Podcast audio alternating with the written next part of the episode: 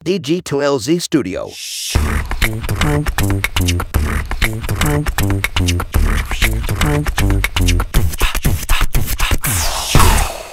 Selamat pagi, siang, sore, atau kapan pun waktu yang teman-teman pakai untuk mendengarkan podcast ini. Kembali lagi bersama saya Panji di podcast Ngobrol Bisnis. Dan uh, kali ini sudah bersama saya adalah uh, co-founder, eh founder uh, dan CEO dari Keyword. Halo Kang uh, Randy. Uh, halo Panji, baik baik baik, alhamdulillah baik dan mensayangkan saham masyarakat. Jadi kita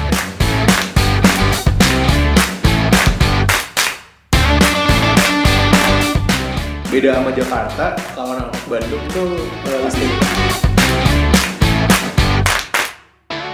investasiin buat sekolah anak. Golf into something new gitu. kupu-kupu mungkin. Uh, ayahku tuh satpam gitu kan. Di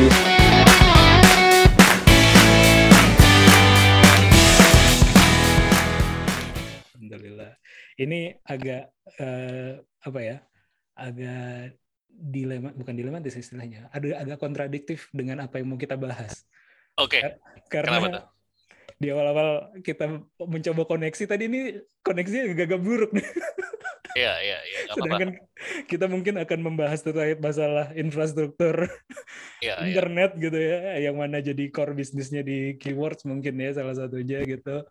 Uh, uh, aku aku sedikit ini dulu, sedikit cerita dulu ya.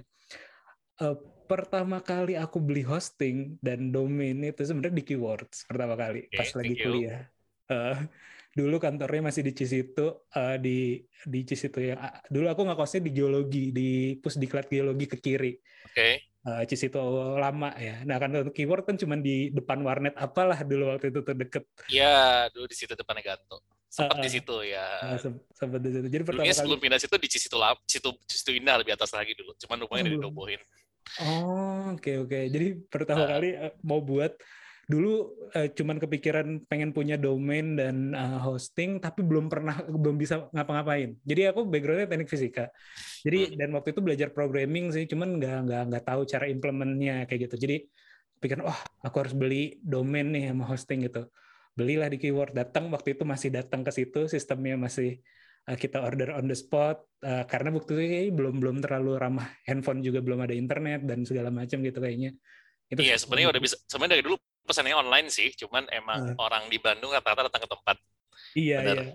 Uh, uh, uh, aku kitanya usernya ya, usernya yang, yang belum ya belum, usernya yang belum user, yang belum. Jadinya kita da aku datang ke tempat situ dilayani salesnya uh, waktu itu mau ngambil domain kampusku.com waktu itu ya. Waktu awal itu 2007 2000 eh 2008 apa ya? Eh pokoknya sekitaran itulah masih.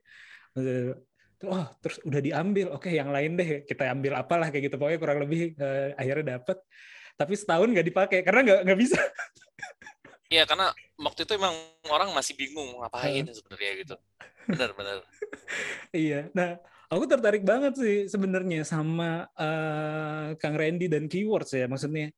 Itu kan zaman uh, oh ya keywords itu berdiri berarti tahun 2008 2007 itu ya berarti? Kita 2005 startnya. 2005 startnya 2005 uh, kenapa tuh awal-awal bisa kepikiran ngerunning bisnis atau memulai bisnis yang uh, ya berba apa ya ngomongin masalah infrastruktur gitu ngomongin hosting terus ngomongin penyewaan domain kayak gitu-gitu Gimana tuh awalnya Kang? Boleh Oke, okay. uh, eh, cerita awalnya gini sebenarnya. Uh, dulu itu di ITB itu waktu itu kan posisinya emang uh, apa ya lagi lagi pada ngehip lah di ITB di luar ITB terutama ya uh, masalah orang ngeblok gitu waktu itu. Hmm. Terus kita tahun 2004 ke 2005 gitu.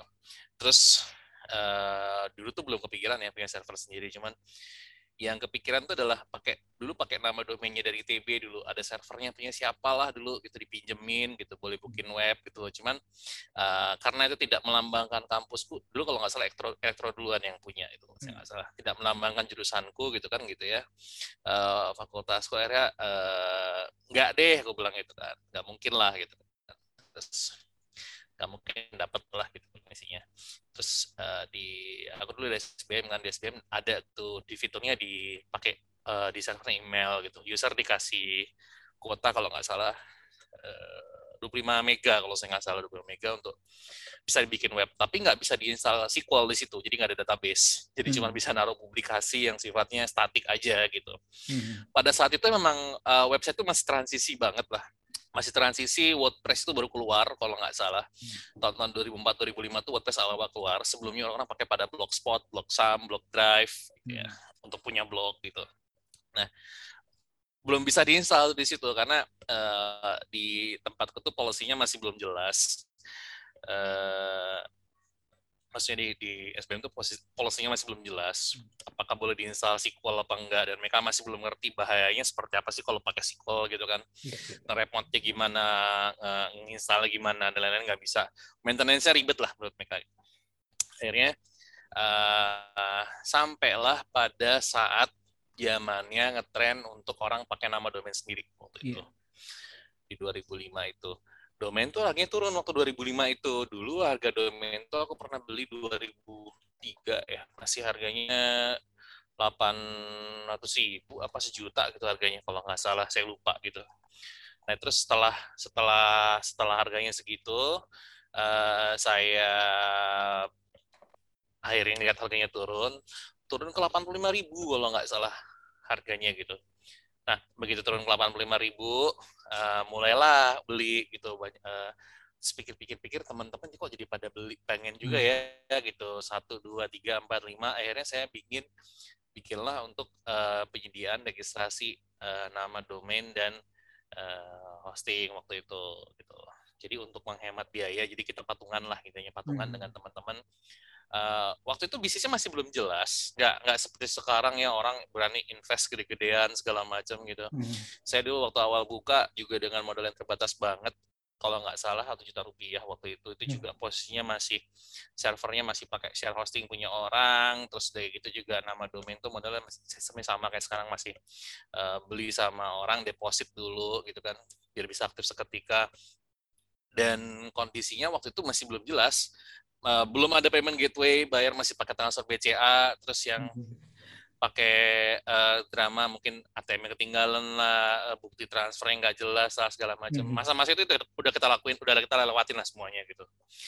Dan dari situ ya udah kita uh, mulai kecil bertahap, bertahap, bertahap. Uh, nggak punya kantor tuh, kantornya masih di Jalan Ganesha nomor 10 gedung aneks SBM ITB lah belakang, numpang di situ gitu. Uh, dikasih dipakai boleh untuk kantor-kantoran lah di situ kayak ruangan di ruangan di SBM itu punya namanya student lounge bekas namanya gedung aneks itu. Uh, kantor-kantoran di situ nyampe sih alamatnya gitu. Terus uh, lama-lama lama-lama ada customer datang kok banyak mahasiswa kok nggak enak juga ya gitu. Hmm. jadi uh, akhirnya mulailah sewa sewa apa namanya ya kos kosan waktu itu di situ indah nomor 8 eh di situ ini nomor 8 itu kita sewa eh, pavilion di situ gitu. Hmm.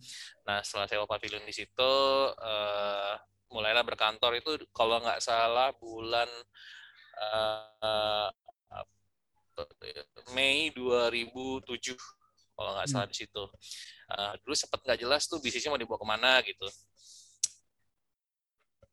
Dulu sempat nggak jelas bisnisnya mau dibawa ke mana dan eh, customer-nya juga masih sedikit, sempat mau bangkrut dulu. Hmm. Terus akhirnya eh, sampai akhirnya memutuskan untuk nyewa kantor itu tadi gitu. Difokusin di situ. Di tahun 2007 itu sempat mau bangkrut. Eh, bingung kan karena sendirian, customer-nya banyak. Customer-nya baru 300-an lah waktu itu. Udah mulai bingung tuh ngebagi waktu kuliah sama ngebagi waktu kerja kan gitu ya. Eh, sementara dulu waktu pas zaman kuliah banyak banyak cabut-cabutan untuk eh, jualan website karena hidupnya waktu itu masih jualan website website masih ala kadarnya lah nggak seperti sekarang yang bagus-bagus banget gitu. Jadi saya dulu keliling Bandung naik angkot dari Ganesa ke customer saya tuh kebanyakan daerah Kawaluyaan, daerah Soekarno Hatta gitu itu naik angkot tuh keliling. Eh, mereka masih metodenya tradisional, nggak mau di email, mintanya didatengin, mintanya di proposal, dijelasin segala macam gitu. Hmm. Eh, masih seperti itu cara cara jualannya eh, masih offline, masih ketok-ketok pintu, jadi ketok-ketok eh, ngumpet, ngumpet-ngumpet ya, kayak celingak-celinguk gitu lihat pabrik orang segala macam, lupa makan orang tuh hanya untuk mereka punya website gitu. Dan pada saat itu website itu masih masih hanya sep- seperti eh, online brosur. Jadi online brosur gunanya belum belum seperti sekarang yang bisa interaktif, bisa interaksi dan punya engagement di situ. Dulu hanya online brosur. Em, semua yang semua yang mereka tahu ada foto ada apa segala macam taruh di situ semua yang penting ada gitu posisinya yang penting ada Mhm. karena eh, saya hidup di tahun 2000-an saya saya di internet tahun 90 98 atau 99 saya lupa website itu memang masih memang masih sekedar eh, halaman yang sifatnya statis sebenarnya gitu yang betul. diupdate terus menerus jadi halamannya banyak dan harus manual update-nya gitu Mhm. dan itu posisinya pada zaman itu eh, punya itu adalah satu hal yang beken gitu bukan Mhm. satu hal keharusan tapi ketika kamu mau go online ya kamu harus punya website gitu. Mhm. Terus sama kelamaan itu eh, kalau nggak salah sekitar tahun 2004-2005 itu ada Speedy namanya. Kalau pernah dengar namanya Speedy Telkom ngeluarin produk namanya Speedy itu mulai tuh orang-orang tuh eh, mulai rame tuh bis online. Ditambah pada zaman yang sama itu itu baru keluar namanya 3G tahun 2004-an tuh Oke. baru keluar namanya 3G jadi eh, sebelum pakai 3G orang-orang masih pakai eh, CDMA e-video kalau misalnya masih ingat Ya. Nah, CDMA video itu itu udah itu adalah modem yang pertama kali murah harganya. Hmm. Saya bisa bilang itu had- modem yang pertama kali harganya murah. Definisi murah itu di bawah 5 jutaan ya. Ya. Eh 5 juta pada saat itu ya. Patokannya kalau kalau tahun-tahun segitu mungkin masih ingat harga nasi ayam itu cuma sekitar ya 4.000, 6.000 lah gitu ya. Hmm. Posisinya 5.000, 4.000, 6.000 start gituan lah gitu. Harga modem video tuh 5 jutaan tuh. Tapi udah murah banget buat orang yang pakai laptop pasti beli gitu. Hmm. Terus eh, keluarlah 3G. Wah, 3G harganya murah banget. Harganya cuma 1,5 apa dua setengah juta, saya lupa. Eh, modemnya udah murah, koneksinya juga murah ya. Satu masih pakai kuota kok. Hmm. Eh, sorry sorry, iya. Kalau CDMA itu bukan pakai kuota, tuh pakai menit. Jadi kalau misalnya mau internetan itu pakai sistemnya menit. Jadi dial in. Jadi kamu ngedial ke sebuah nomor atau apa, sistemnya pakai per menit, per menit 150 apa 200 perak apa 300 perak saya lupa. Lalu ke lalu berubah sistemnya menuju 3G. 3G sistemnya kuota, kuota kalau nggak salah sekitar 1 giga apa 2 giga gitu satu bulan itu harganya mungkin eh, 300 ribu apa 500 ribu saya bulan. Tapi buat orang yang butuh aplikasinya cuma sekedar chatting, email gitu ya.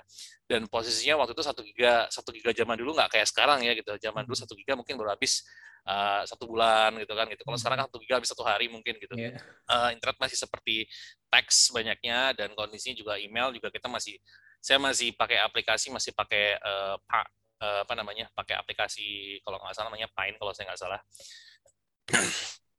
jadi masih benar-benar teks masih pakai console base teks dan 3G itu always on sifatnya jadi nggak kayak CDMA yang harus dial mulu Eh, di situ enak banget Kenapa saya bilang enak banget? Karena bisa bisa menjalankan aplikasi Yahoo Messenger untuk chatting selama 24 jam tanpa harus mikirin internetnya berapa.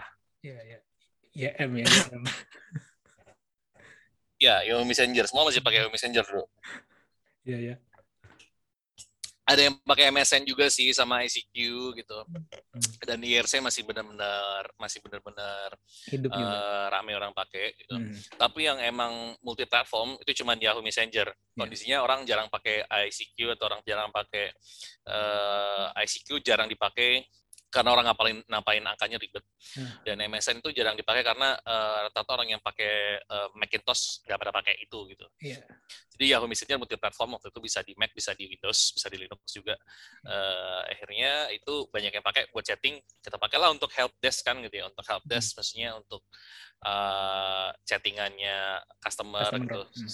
customer service dan lain-lain. Dan si ceritanya si customer service dan lain-lain itu ya masih menggunakan Yahoo Messenger, orang masih pakai SMS, masih pakai telepon, masih dihubungin sama si DMA, Hmm. dan itu akhirnya eh, rame yang beli waktu itu.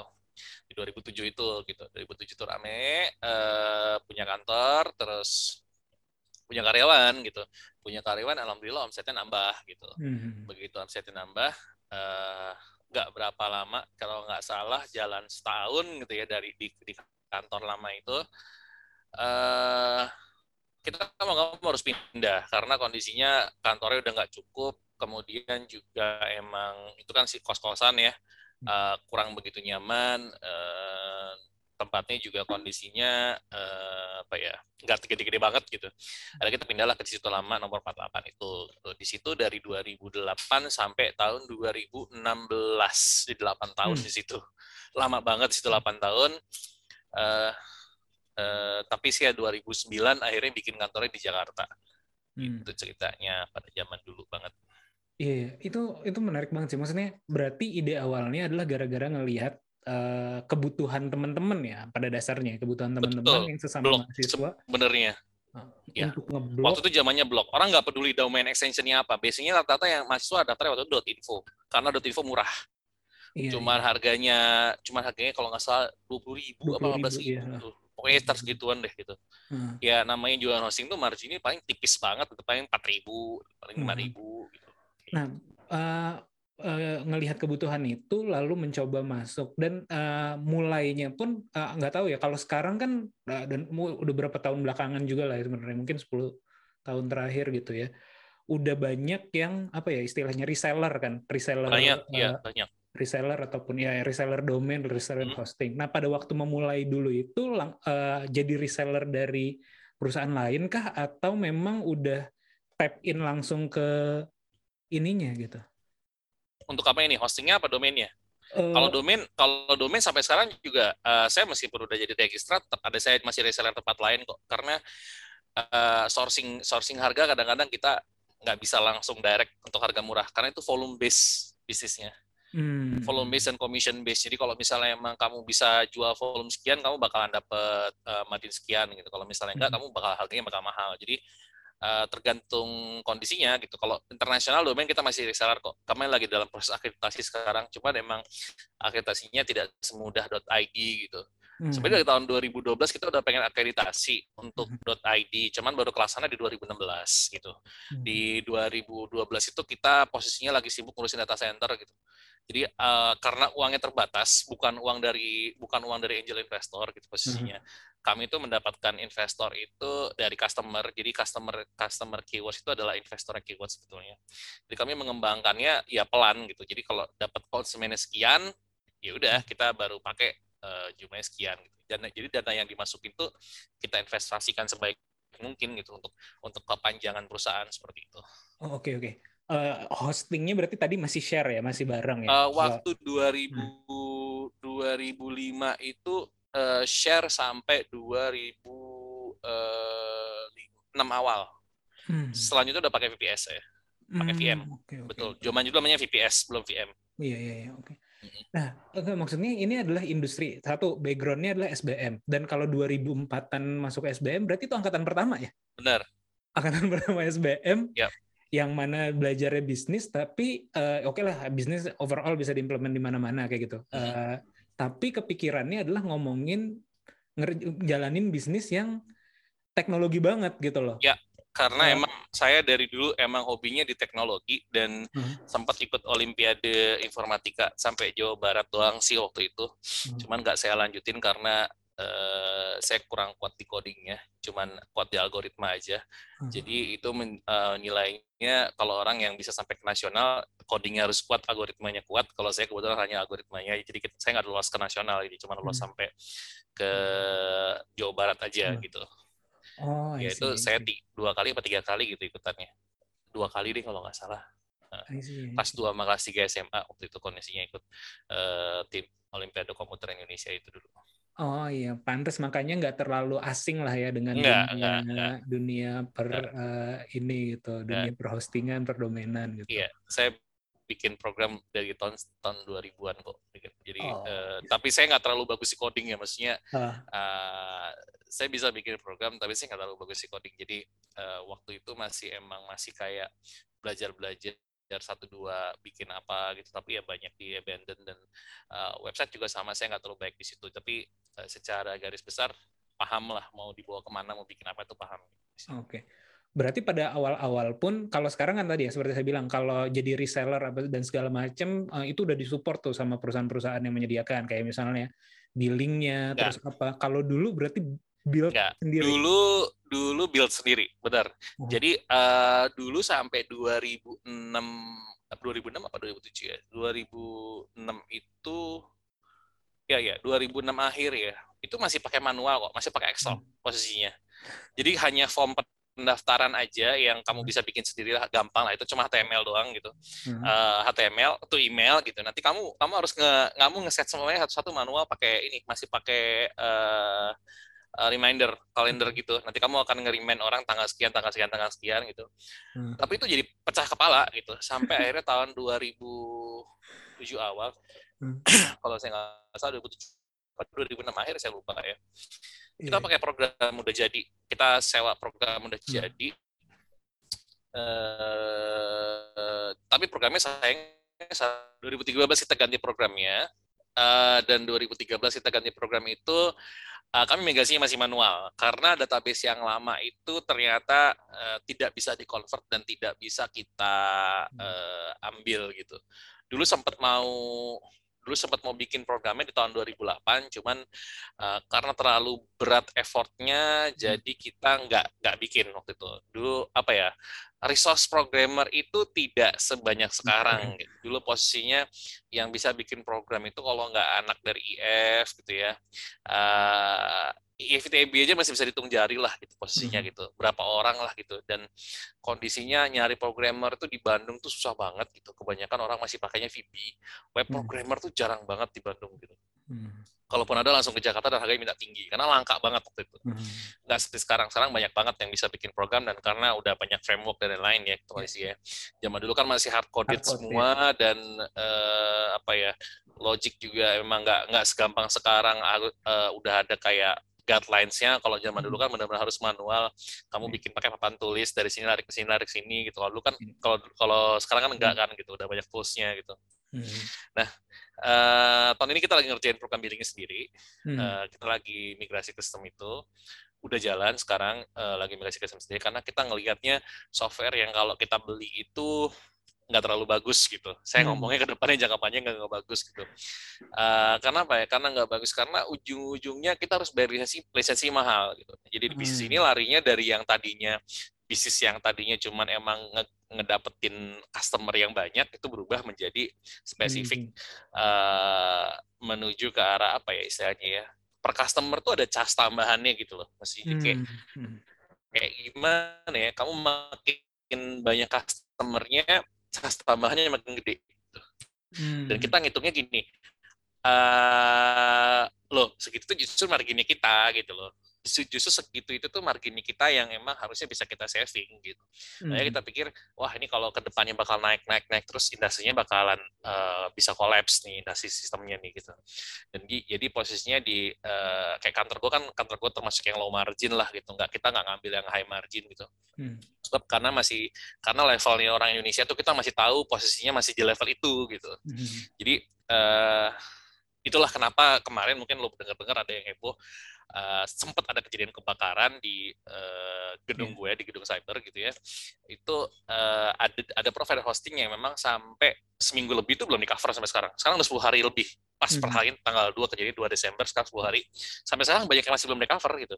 Karena apa? Hmm. karena industrinya dia ngambil low margin gitu. Jadi Hmm. eh terga- ter- salah salah di customer education ya sebenarnya gitu. Iya, iya. dan sebenarnya ini sekarang jadi customer education yang mahal gitu sekarang. Jadi akhirnya customer gue mulai paham pentingnya backup mulai paham pentingnya yang namanya DRC gitu.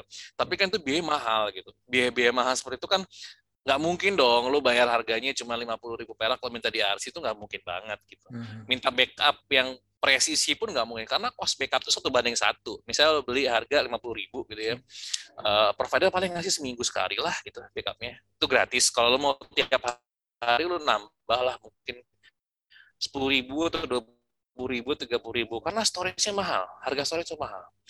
Dan tahun ini adalah harga terakhir storage murah tahun depan tuh harga storage mahal. Gue bakal gue bisa ngomong storage mahal karena gue diwanti sama sama vendor yang emang supply barang. Tahun depan tuh naik loh pak gitu semua. Dan gue awalnya gak percaya gitu. Tapi eh, karena kemarin gue renovasi toko nih gue jadi percaya gitu. Gue beli kabel harganya naik dari 600 ribu jadi satu juta. Gue beli harga kayak eh, apa ya kayu dari harganya mungkin taruhlah 200 ribu jadi 300 ribu. Jadi semua naikin harga semua di tahun depan gitu. Eh, tadi juga kemarin gue lupa ya gue beli apa ya kemarin tuh ya. Oh kalau lu perhatiin kalau di rumah tangga ya minyak biasanya beli cuma 22 ribu eh 22 ribu. Ya benar benar benar minyak 22 sampai 25 ribu naik jadi 38 ribu. Tisu dari harganya cuma eh, tadinya cuma 26 ribu naik jadi 40 ribu. Jadi semua komoditas harganya naik semua gitu loh tahun depan ini gitu. Gue nggak ngerti kenapa gitu. Mungkin mereka mau recover pas covid kemarin. Nah. Tapi ya itu gitu, semua naikin harga gitu, termasuk hard disk gitu. Jadi eh, supply hard disk itu eh, short gara-gara eh, terlalu banyak orang request handphone. Kemudian juga eh, apa namanya supply dari eh, RAM juga sama kayak gitu. Iya. Nah, Kak, eh, tadi eh, sedikit menarik ke belakang dulu. Yang berarti Ya narik kebayang, barang. kebayang banget ya kalau misalnya ketika di awal tuh masih manual Hmm, Eh, manual betul. dan juga eh, ngehandle oke lah di awal masih 300-an. 300-an sebenarnya nggak nggak masih juga sih kalau kalau bayangin kalau billingnya itu oke lah yang ambil setahun gitu. Setahun setahun sekali kita reminder. Iya gampang kan gitu. Ya, Tapi ya. mahasiswa mungkin masih testing-testing, mungkin ngambilnya sebulan gitu kan. Ah, Mungkin satu bulan Iya, gratis, iya, satu iya. bulan bayar. Nah itu kan eh, kalau masih manual di Excel itu kebayang rumitnya sih gimana Iya, iya, banyak missing di situ memang. ah. gimana bisa. Nah, terus tadi ngomongin masalah, oke kita pakai license sehingga eh, margin kita, eh, marginnya di keyword sendiri memang nggak terlalu gede, tapi kesedot ke license. Kan aku lihat Iya, juga- itu untuk untuk untuk pricingnya sekarang ya maksudnya. Kalau dulu dulu nggak, dulu harganya masih murah banget gitu. Oke oke. Cuman kayak mungkin kayak sekitar sebulan mungkin sekitar dua ratus ribu, dua ribu ke lima ratus ribuan lah, anggaplah start gituan lah. Oke oke. Nah, nah eh, Nah. terlepas dari yang eh, license eh, softwarenya, tapi aku lihat kan juga dari keywords, aku pengguna banget gitu. Maksudnya beberapa tahun ini ada beberapa inovasi gitu ataupun perubahan lah. Aku mau tanya itu perubahan, misalnya dari salah satu contohnya dan dan dibebankan ke customer juga adalah misalnya masalah eh, si panel. Terus juga apalagi ya, kalau kita pakai, ya pokoknya banyak lah ya komponen-komponen itu tuh kita ada yang jadinya oh ini perlu di uh, up nih karena license-nya atau apalah aku juga nggak terlalu baca aku sih yes yes Iya, aja sebenarnya Naik betul, license-nya naik bener. Nah.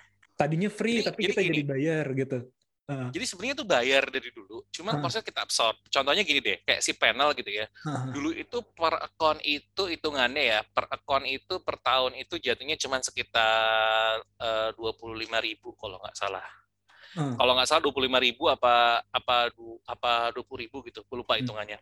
Pokoknya si panel account itu harganya segituan gitu, dari dulu harganya segitu. Hmm. Nah, terus di tahun 2020 itu mereka Hmm. ngubah skemanya.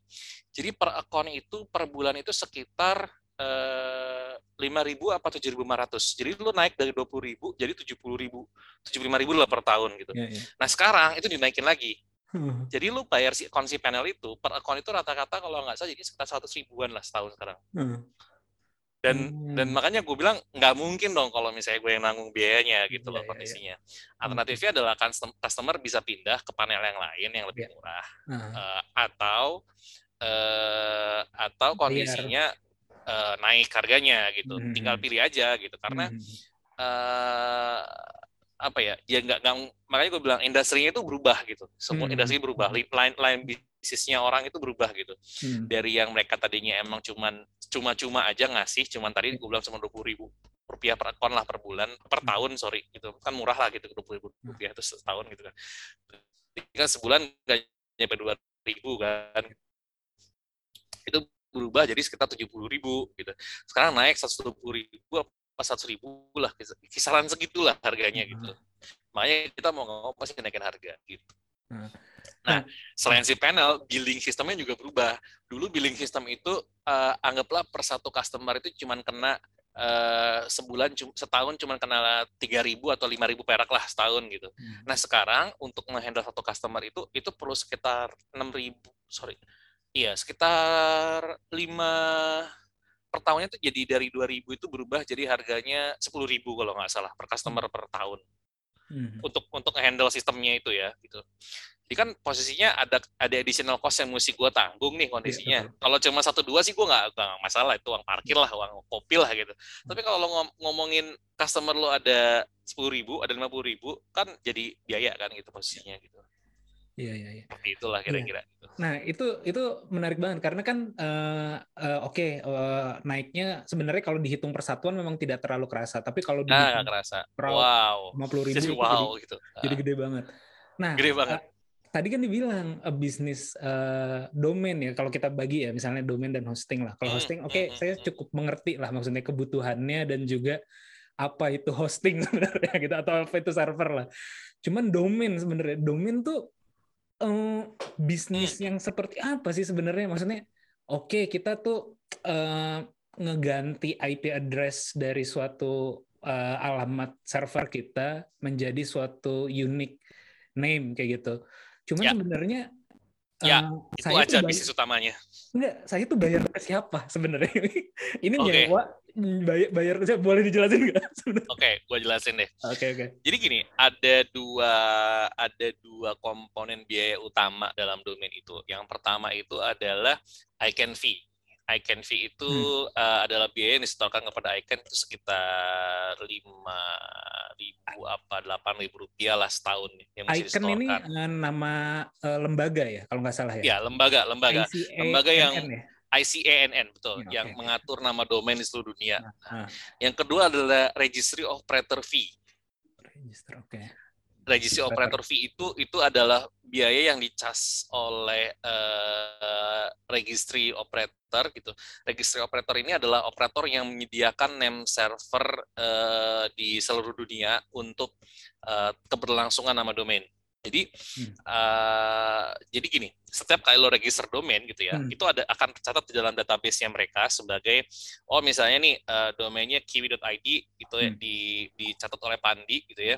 Hmm. Pandi nanti akan ngejebarin eh Informasi misalnya itu. registernya hari ini tanggal 12 12 gitu ya. Hmm. Nanti habisnya tahun depan gitu. Nah, informasi pemilik, informasi informasi kayak DNS segala macam itu disimpan sama di sini. Nah, untuk biaya ini awalnya itu mereka pakai untuk menyebarkan di DNS di seluruh dunia. Misalnya contohnya lu naruh di Jakarta ada 10, naruh di Singapura, lu naruh di Eropa segala macam gitu. Nah, semakin banyak si DNS itu akan semakin eh, cepat. Sebenarnya bukan DNS server sih, lebih ke arah root server gitu, root server nama domain gitu. Hmm. Nah, setiap perubahan yang terjadi itu eh, ada register domain baru, itu akan diupdate di semua root server secara instan seperti itu. Hmm. Nah, itu sebenarnya biaya nggak gede gitu. Nah, registry itu eh, untungnya gede banget sebenarnya gitu. Makanya kalau misalnya kamu pernah dengar ada satu organisasi namanya JMO, dia berani ngebit nama domain namanya .shop itu sampai 100 juta dolar untuk menjadi untuk memiliki izin dalam eh, menjalankan nama domain .shop Hmm. gitu. Itu adalah itu adalah biggest bid alias bid terbesar untuk uh, menjalankan registry yang pernah ada di dunia. Jadi .shop itu domain Hmm. paling mahal sebenarnya untuk Hmm. registry operatornya punya hak itu. Kenapa sih mereka mereka berani untuk kayak gitu? Karena uh, bisnis domain itu yang tadinya cuma ngeregistri nama doang, mengganti IP address, mau IPv4, mau IPv6 gitu. Hmm. Itu menjadi sebuah branding industri gitu loh Hmm. dari branding itu bisa diturunin lagi jadi brand protection dari situ bisa diturunin lagi jadi aftermarket domain gitu Hmm. nah kalau kamu mau tahu gitu aftermarket domain tuh gila banget gitu harganya gitu contoh deh gitu kayak eh, ada domain misalnya kamu register eh, kemarin tuh apa ya ada yang register tempat gua tuh blockchain.id itu eh, itu dilelang sampai puluhan juta habisnya Hmm. terus sekarang dijual lagi ratusan juta harganya namanya Hmm. block, blockchain.id kalau nggak salah Hmm. jadi dibeli eh, dengan harga mungkin sekitar 200 ribu atau Hmm. eh, kemudian dilelang sampai puluhan juta. Kemudian ada yang jual lagi ratusan juta gitu. Terus Hmm. domain-domain lain tuh banyak banget gitu yang emang eh, ya kamu beli cuma 10 dolar, Yeah. 30 dolar gitu seperti itu. Kamu bisa jual lagi sampai eh, ratusan juta. Nah, gue juga kemarin tadi pagi juga ada teman gue barusan jual tuh gue lupa nama domainnya apa gitu disensor sama dia Eh, cuman bilang ini doang ah baru register baru dua minggu yang lalu terus baru dipasangin di market eh dapat duitnya sampai 2000 dolar nih gitu. Nah, Hmm. kayak gitu-gitu loh yang jadi yang jadi apa ya, yang jadi penyemangat orang untuk main di aftermarket domain gitu. Mhm. Makanya kalau kamu register nama domain baru tuh agak susah gitu, susah nyari nama yang unik karena udah pada diambil orang semua gitu. Iya iya, oke. Eh, Kayak gitu. Balik lagi ke yang tadi ya di eh, ICANN itu dan juga eh, yang kedua eh, apa intinya kita bayar fee ke mereka dan Register juga bayar, operator, oh register oh, operator. Betul. Mereka yang membantu untuk menyebarkan. registry operator. Beda regis- register register operator itu beda. Ada registry, ada registrar. Oke. Registry itu adalah operator nama domain yang berhak untuk menjalankan sebuah ekstensi nama domain. Contohnya .id itu sama Hmm. Pandi, Hmm. terus uh, .com itu sama VeriSign. Nah, uh, ada tambahan uh, untuk nama domain sendiri itu mereka ngejualnya melalui registrar. Registrar tuh kayak kayak yang beli dalam jumlah banyak lah gitu. Mhm. Uh, yang bisa connect otomatis ke sistemnya mereka gitu. Mhm. Dari registrar baru diturunkan ke reseller Mhm. gitu. Tapi selain Hmm. registry registry fee ada lagi registry fee itu ada lagi tambahan lagi. Biasanya ada tambahan namanya eh, government tax eh, Hmm. fee di luar PPN. Kalau di Hmm. Indonesia namanya PNBP. Mhm. Pendapatan negara bukan pajak ya. Ya, Hmm. ada lagi tambahan lagi eh, eh, government tax PPN seperti itu. Hmm. Oke, itu lembaga si ICANN itu eh, terus register itu eh regis mana nih? Jadi jadi registry berarti. ya? Registry, ya. Oke. Itu eh, independen atau negara tertentu atau apa? Macam-macam, macam-macam. Hmm. Kayak kayak .com itu .com itu uh, VeriSign. VeriSign itu public Hmm. public company, public company tapi sahamnya dimiliki oleh oleh Department of Defense Amerika. Hmm. Saham terbesar dimiliki ODOD selain public.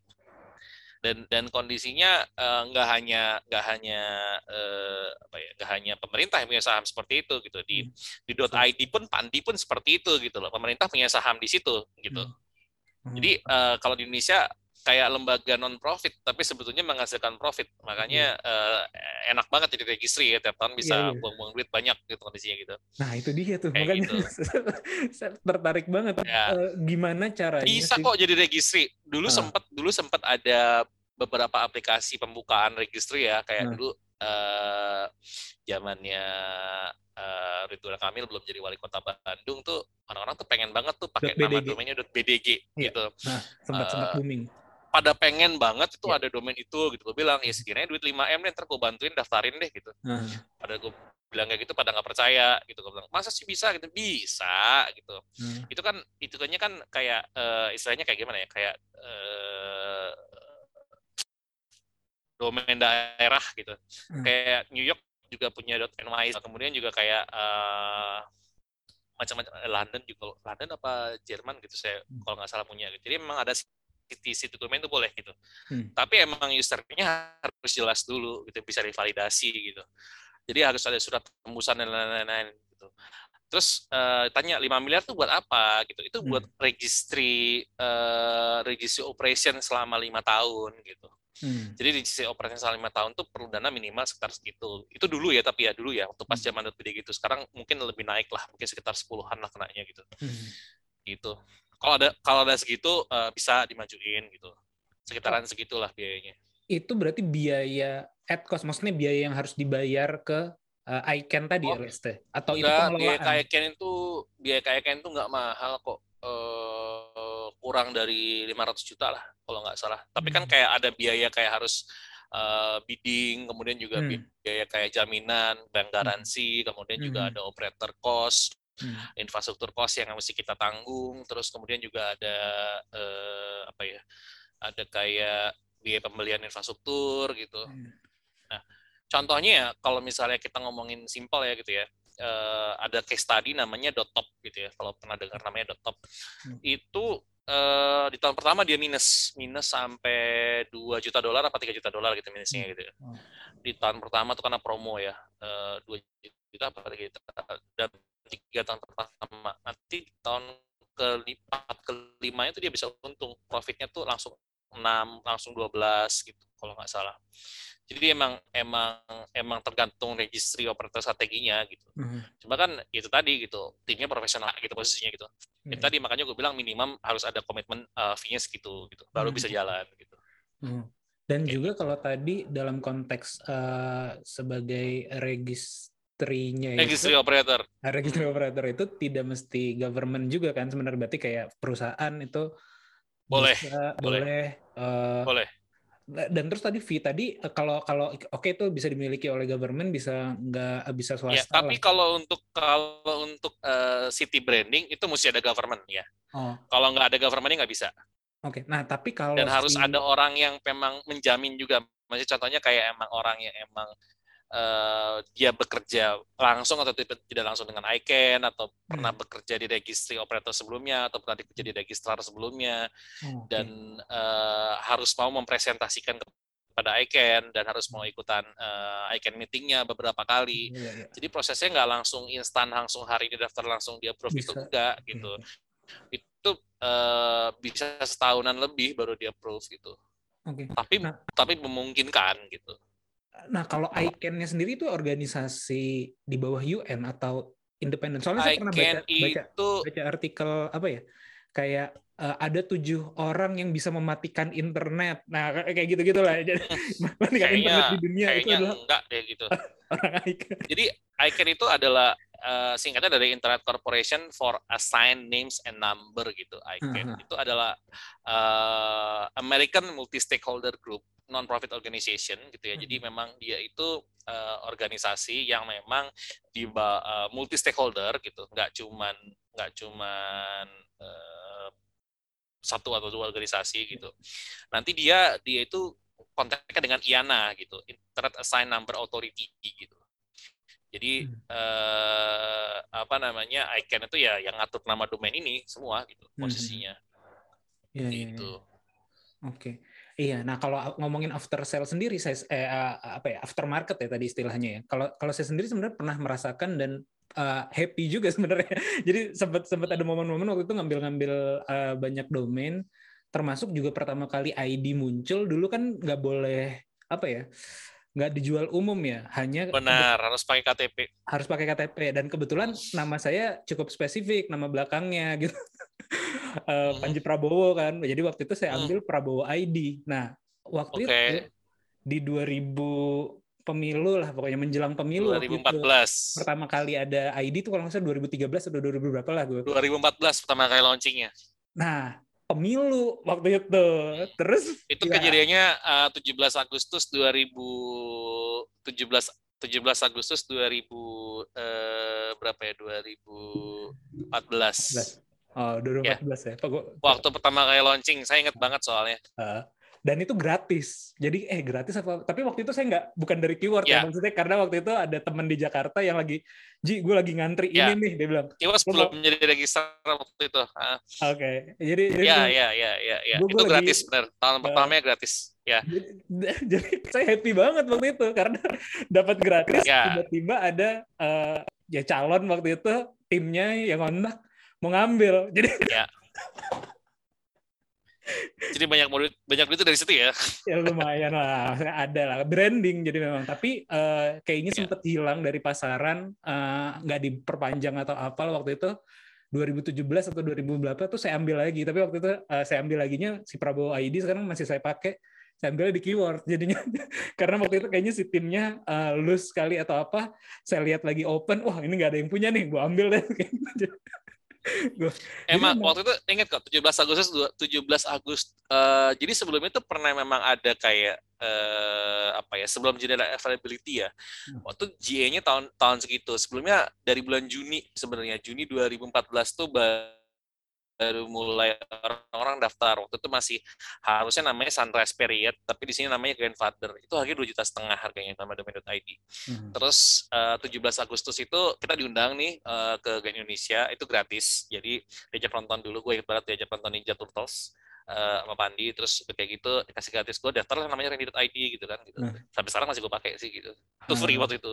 iya, 17 iya. Agustus 2017 2014. Seru banget, iya. Itu Nah, itu eh, eh, masih pakai KTP posisinya. Iya, jadi waktu itu nitip KTP jatuhnya karena Hmm. temen yang kebetulan lagi di lokasi, ji gini gini gini gini. Iya. Di Oke, Gen gua- Indonesia persis itu di, di CGV Blitz. Iya iya kayaknya sih. Berarti itu juga yang ngerasa. Nah semenjak itu sebenarnya kadang-kadang saya juga suka ngoleksi domain-domain yang menarik gitu. Eh, Iya, Kak.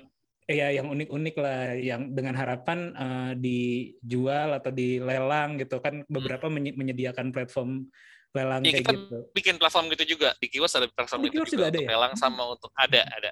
Jadi ada domain yang bisa dijual beli di situ dan emang eh, user juga banyak yang naruh domain di situ gitu oh nanti gitu. saya belum nyoba kalau yang gimana nanti akan kita ada banyak kok yang gitu. udah banyak kok yang udah jalan mestinya yang udah berhasil mereka Hmm. dapetin eh, di situ customer Oke, ini, ini ada sedikit lagi. Kenapa domain di bawah lima huruf ya empat atau tiga atau dua atau satu gitu mahal?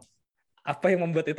Karena ini maksudnya Ya, gue karena itu resource terbatas gue gue memahami bisnisnya nih. Ini maksudnya eh, Iya. mafia aja kah atau atau memang ada? Enggak, resource ada terbatas. Oke. Jadi gini, jadi gini pertama, eh domain satu huruf itu untuk Ah. ID gitu ya. Eh gue tahu harganya berapa, tapi gue nggak boleh ngomong harganya berapa. Oke. Tapi yang jelas mahal sekali gitu.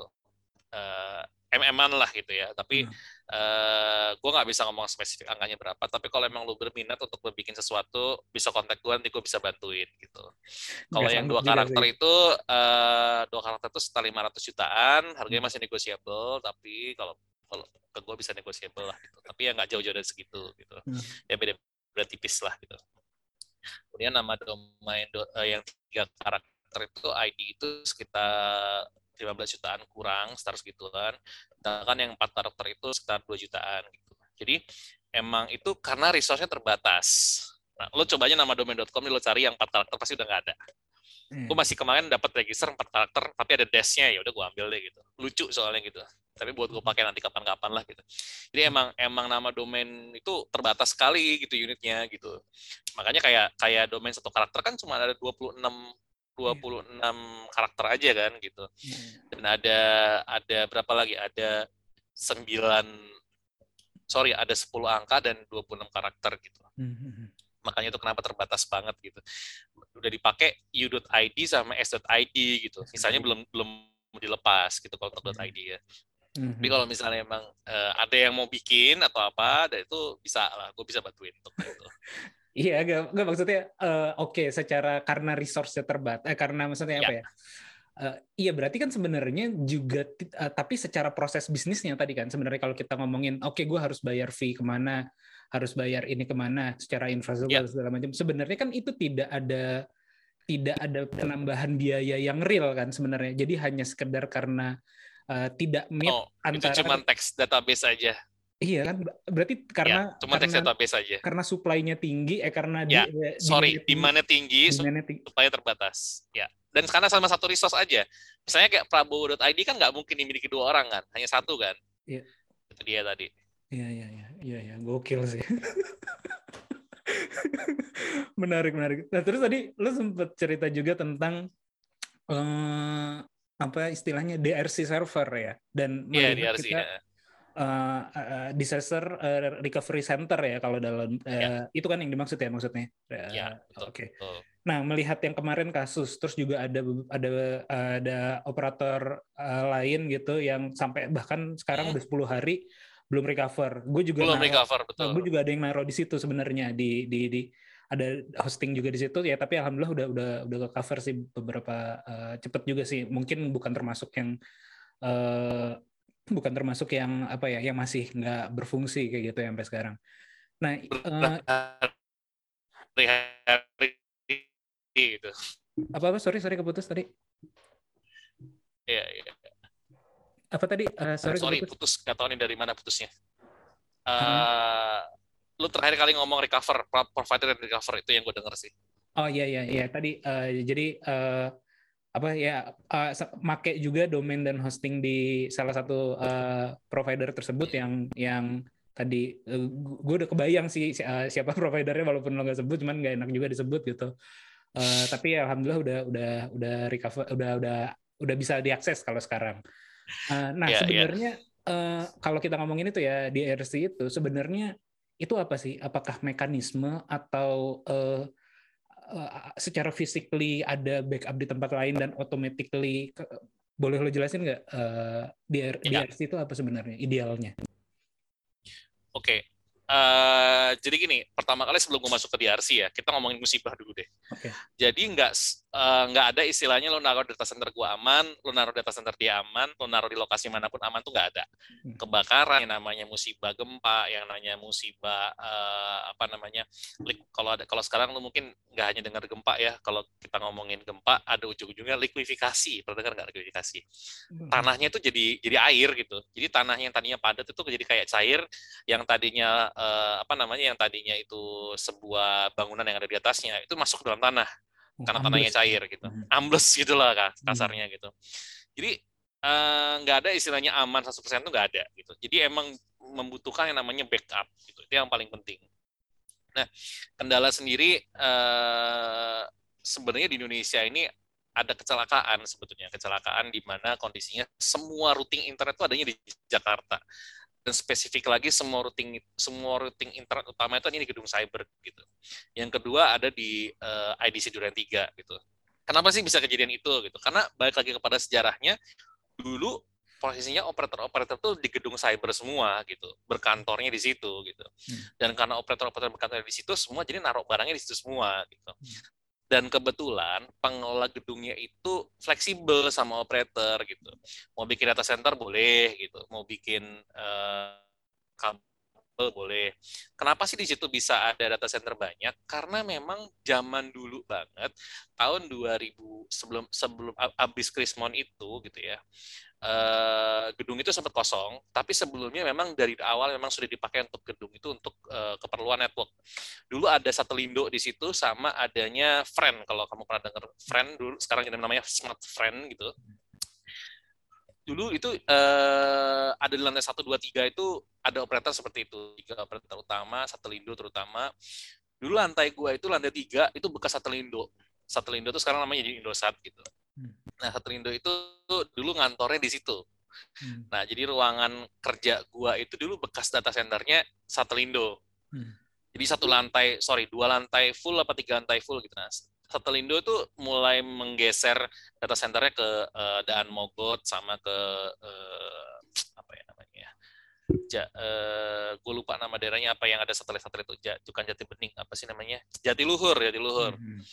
ada ada kalau lu pernah dengar ada proyek satelit Palapa atau apa ya gue lupa. Pokoknya ada satelit buminya tuh di Jatiluhur. Nah, itu dulu sebelum ada proyek itu mereka kantornya di cyber semua gitu. Lama-lama berkurang kurang kurang di situ gedungnya sempat kosong. Lantai dua itu yang sekarang data center kemarin kebakaran itu bekasnya friend dulu.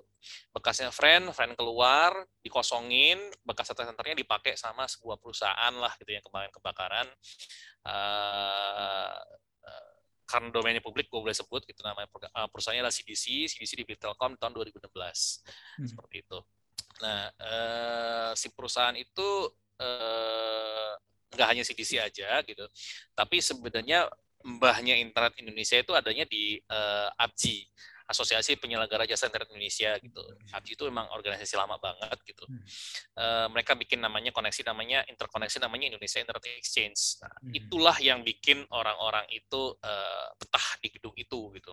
Kenapa? Karena mau connect antar operator tuh gampang. Jadi kayak gua nih gua mau connect sama eh, taruhlah gua mau connect sama operator lain, gue tinggal ketemu di lantai satu, gue ada perangkat di lantai satu, tinggal connect aja ke situ. Atau kalau enggak orang narikin kabel ke tempat gue gitu ya gitu. Atau bisa juga orang naro apa namanya naro perangkat tempat gue, dia naro di tempat lain. Gitu. Jadi eh, cost-nya tuh nyaris nol gitu, tapi tidak nol. Gitu. Contoh Hmm. Contohnya ya ada biaya penarikan lantai, ada biaya colocation, ada biaya eh, cross connect, ada biaya eh, sewa port atau biaya macam-macam lah ya.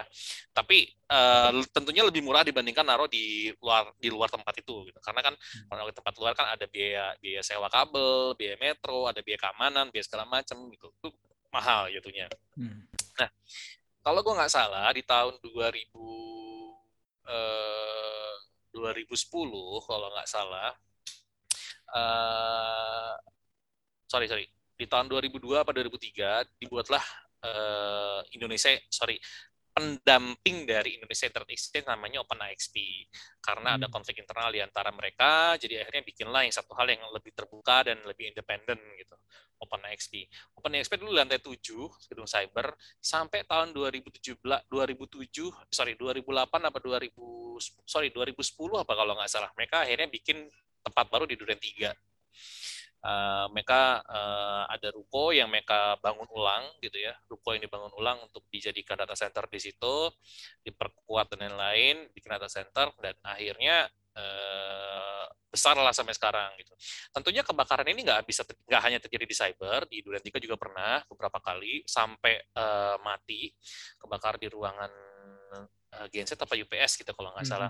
Dan sebetulnya kejadian uh, dari se dari sebelumnya yang ada di Indonesia kejadian kemarin itu yang paling besar dalam sejarah internet Indonesia gitu Hmm. uh, di press release gue kemarin gue makan nulis ini adalah kejadian terbesar dalam dalam internet Indonesia karena memang belum pernah ada uh, kejadian kebakaran yang sampai menewaskan dua, dua orang gitu Hmm. kondisinya dalam dalam sejarah internet Indonesia itu belum pernah ada gitu Hmm. kondisinya dan ini yang terbesar gitu gue bilang. Karena waktu Duren 3 dulu kebakaran aja itu nggak nyampe dua hari udah recover gitu kondisinya. Ini sekarang posisinya sampai berpuluh-puluh hari masih ada yang belum recover gitu kondisinya. Hmm.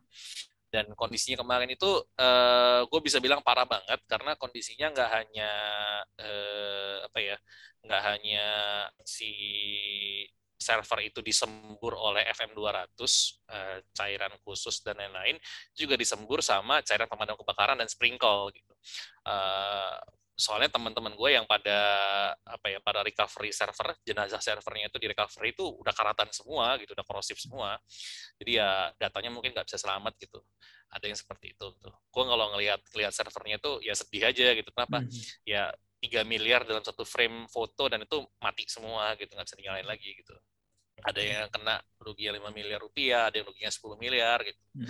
udah bukan ruginya 100 200 juta lagi gitu dan itu kondisi juga emang sesuatu yang di luar eh, perhitungan sebenarnya Hmm. sesuatu yang di luar perhitungan dan di luar kemampuan gitu karena eh, pada teorinya pada teorinya apabila terjadi kebakaran tidak akan terjadi sebesar ini teori awalnya Hmm. Tapi siapa yang nyangka? Kondisinya eh, dulu pernah kejadian juga di The Planet namanya. Tahun 2006 apa 2007 The Planet itu kalau lu tahu eh, The Planet itu sempat gabung dengan perusahaan namanya F1 Server kemudian pernah eh, akhirnya dijual ke perusahaan namanya Softlayer dan Softlayer dibeli sama IBM sekarang jadi IBM Cloud Bluemix.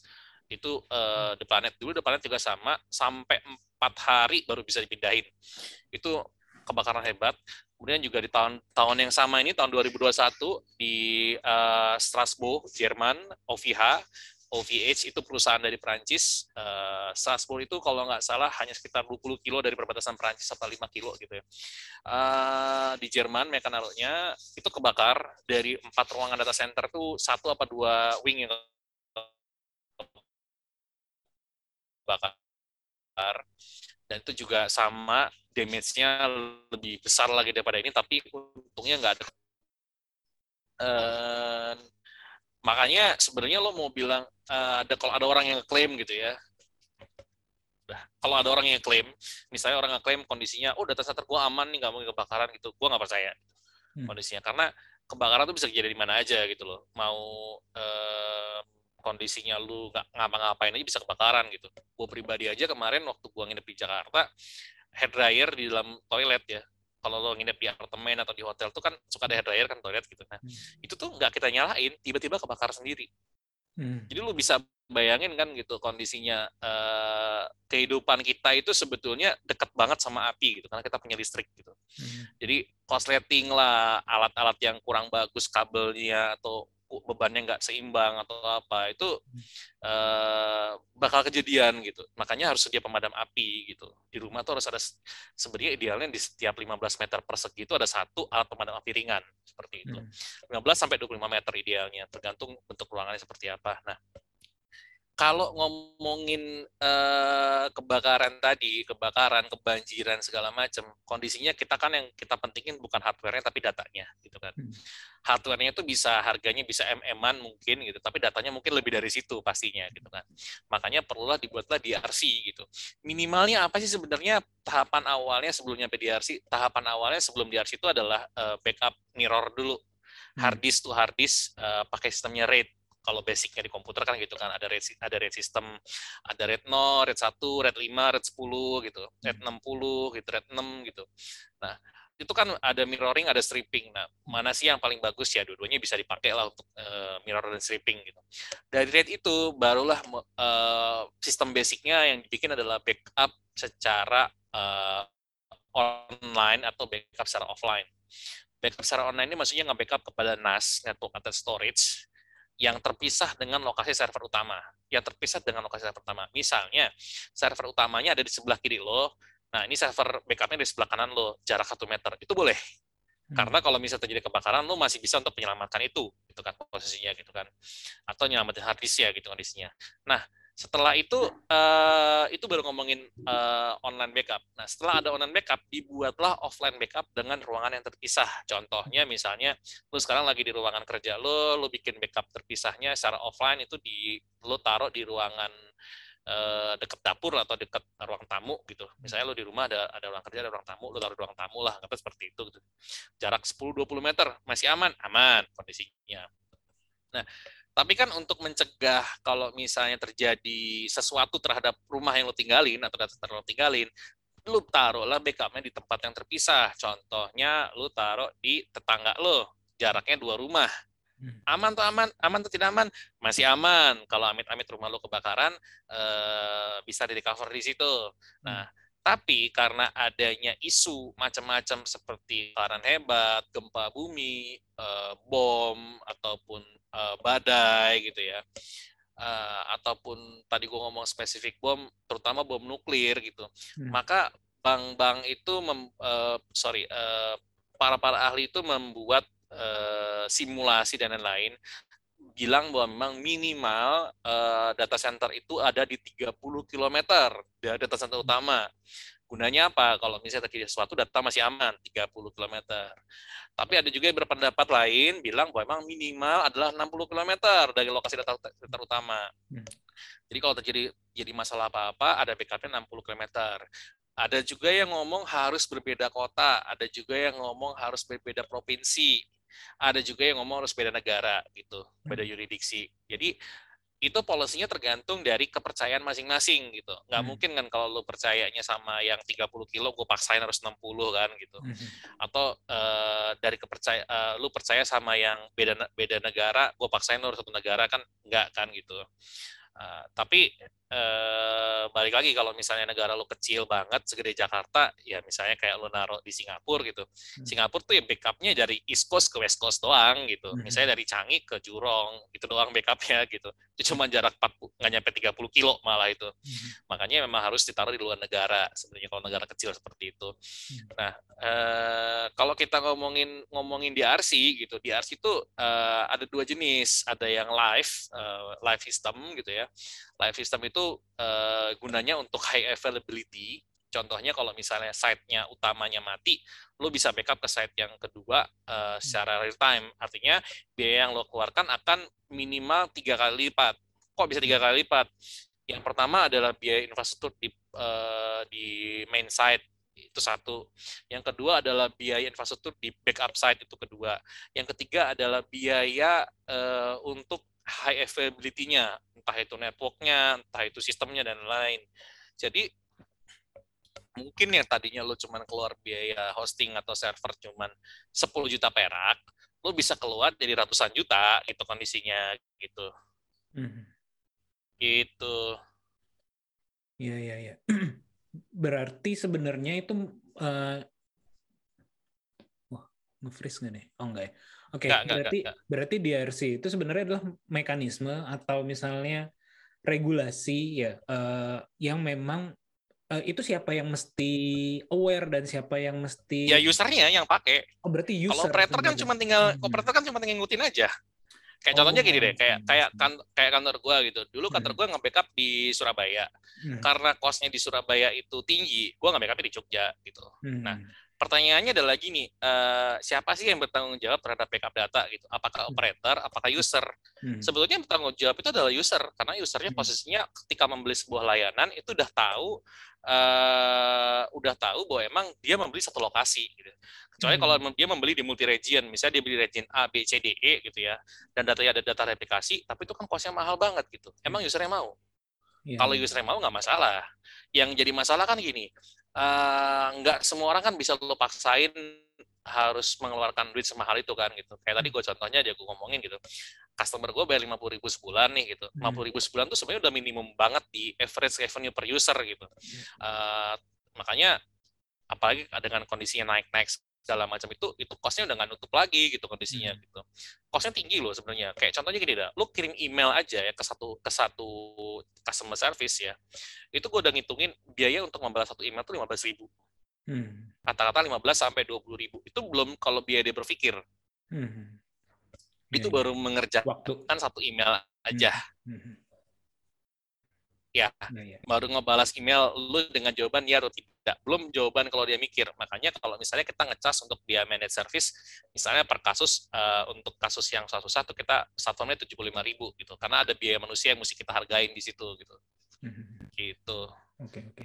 Iya iya iya. Ya, gue gue paham. Berarti memang cuma berarti edukasinya ya. ya. Kalau kalau gue sendiri kemarin sebenarnya ada beberapa case ya. Dan gak cuman maksudnya bahkan ya kemarin tuh di minggu yang sama juga ya gue sempat sempat eh, taruh di eh, di Instagram juga tuh. Eh, gue pakai salah satu layanan AWS juga sebenarnya. Hmm. Eh, kalau AWS ada OTC juga loh Iya iya. Dan dan kemarin ada kemarin data hilang juga loh di situ dan kemarin kan eh, apa hari apa ya kasus-kasus eh, kebakaran cyber Kok Kamis baru ya kemarin ya? kok Kamis, Kamis Iya. kan Kamis minggu lah Kamis dua minggu lalu eh. Kamis 10 hari lalu tuh AWS itu kalau nggak salah hari Minggu apa hari Senin gitu Betul. kebakaran juga Betul, mati betul. datanya hilang Betul. Ya. Jadinya Kamis Kamis itu cyber ada salah satu produk gue yang kena juga dan akhirnya kita bikin rilis juga kayak gitu. Terus Seninnya juga gitu. Jadinya waduh, ini ada apa nih? Senin iya iya Minggu malam Minggu malam Iya, betul pokoknya Senin, Iya. Senin pagi baru mulai akses kan. Loh, ada notis Iya. dari AWS nih. Merah lagi notisnya gitu. Jadi data lo hilang di situ Eh, bisa recover. Akhirnya recover kalau nggak salah. eh, kayaknya nggak tahu baru ngecek lagi hari Selasanya sih. eh, eh, udah. berarti lo udah- sewa backupnya kan Iya ada ada backupnya memang. ya ada kalau sewa lo nggak salah backupnya. backupnya kebayang nggak gimana Iya iya makanya makanya. Jadi sempat kepikiran juga kan. eh, eh, eh, gue, baru ngontak hari apa tuh. Oke ini ini ada apa sih? Apa emang ada cyber attack atau apa di seluruh? Enggak, enggak, enggak. Jadi emang emang gimana ya? Eh gue sendiri gue salah ngajar. Gue sendiri salah ngajar ya di Telkom University. Gue ngajar mata mata kuliahnya komputasi awan atau cloud computing. Jadi eh, tugas gue adalah memberikan pengertian kepada engineer itu bahwa memang eh, nggak ada sistem yang aman gitu kondisinya gitu. Dan kondisinya saya nggak ada sistem yang aman, lu perlu backup gitu dan backup lu mesti berlapis. Banyak orang yang emang kemakan sama omongan sales. Jadi gue tuh benci banget sama salesnya dari AWS. Gue terus terang aja gue ngomong gitu. Gue benci banget sama sales AWS. Gue ngomong terus terang gitu. Kenapa? Karena sales AWS tuh berhasil untuk meyakinkan orang-orang bahwa emang cloud itu aman. Gue selalu bilang cloud itu nggak aman gitu. Bahkan lebih bi- besar biayanya dibandingkan yang lu bakal keluarin kalau lu pakai sistem tradisional. Contoh simpelnya adalah gini deh. Eh, ya intinya gini loh, nggak ada nggak ada tuh namanya naruh data di awan tuh sebenarnya nggak ada gitu. Lo naruh data tuh ya ada fisiknya gitu Hmm. lu ibaratnya lu tinggal pun ada fisiknya kan lu nggak mungkin tinggal di awan kan gitu lu tinggal di rumah kan pasti kan gitu entah bentuknya rumah apartemen hotel kos kosan atau rumah ada Ya. fisiknya tempat lu tinggal kan gitu sama data pun seperti itu gitu. tapi kan orang orang kan sudah ter- terlalu dile- dilenakan oleh marketing marketingnya zaman dulu yang bilang oh cloud to save ini ini enggak lah kalau gitu. Kebakar mah kebakar aja mati data mati data aja gitu. Hilang data ya udah bubar aja gitu kondisinya gitu Jadi, lo bisa lo bisa bayangin sendiri kan kondisinya seperti itu gitu.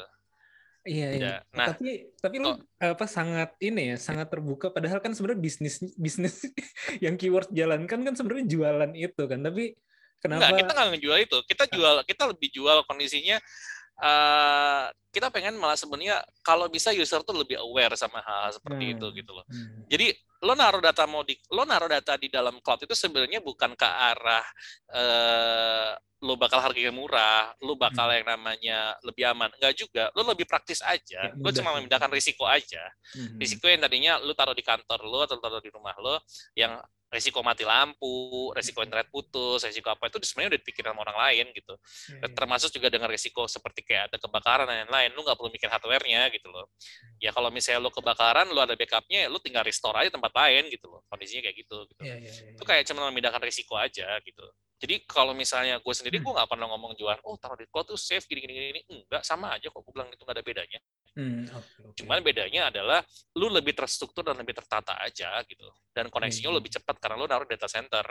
Beda sama lu naruh di rumah. Kalau lu taruh di rumah kan koneksi lu ke rumah lu mahal gitu kondisinya.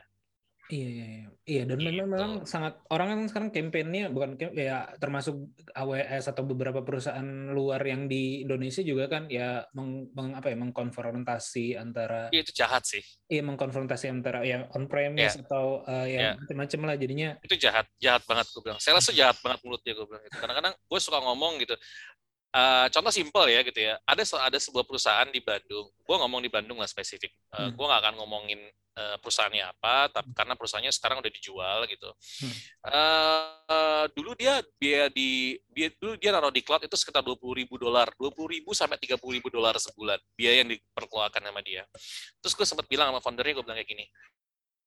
Eh eh lu kalau naruh di nggak ditaruh di AWS lu cuman kena 2000 dolar sebulan. Gue hitungin semuanya kan gitu. Lu pakai apa aja gitu. Habis berapa? 20 ribu dolar sebulan gitu gitu. Hmm. gue hitung gitu kena berapa? Kena 2000 dolar aja sebulan. Jadi biaya realnya harus dikeluarkan hanya 2000 dolar.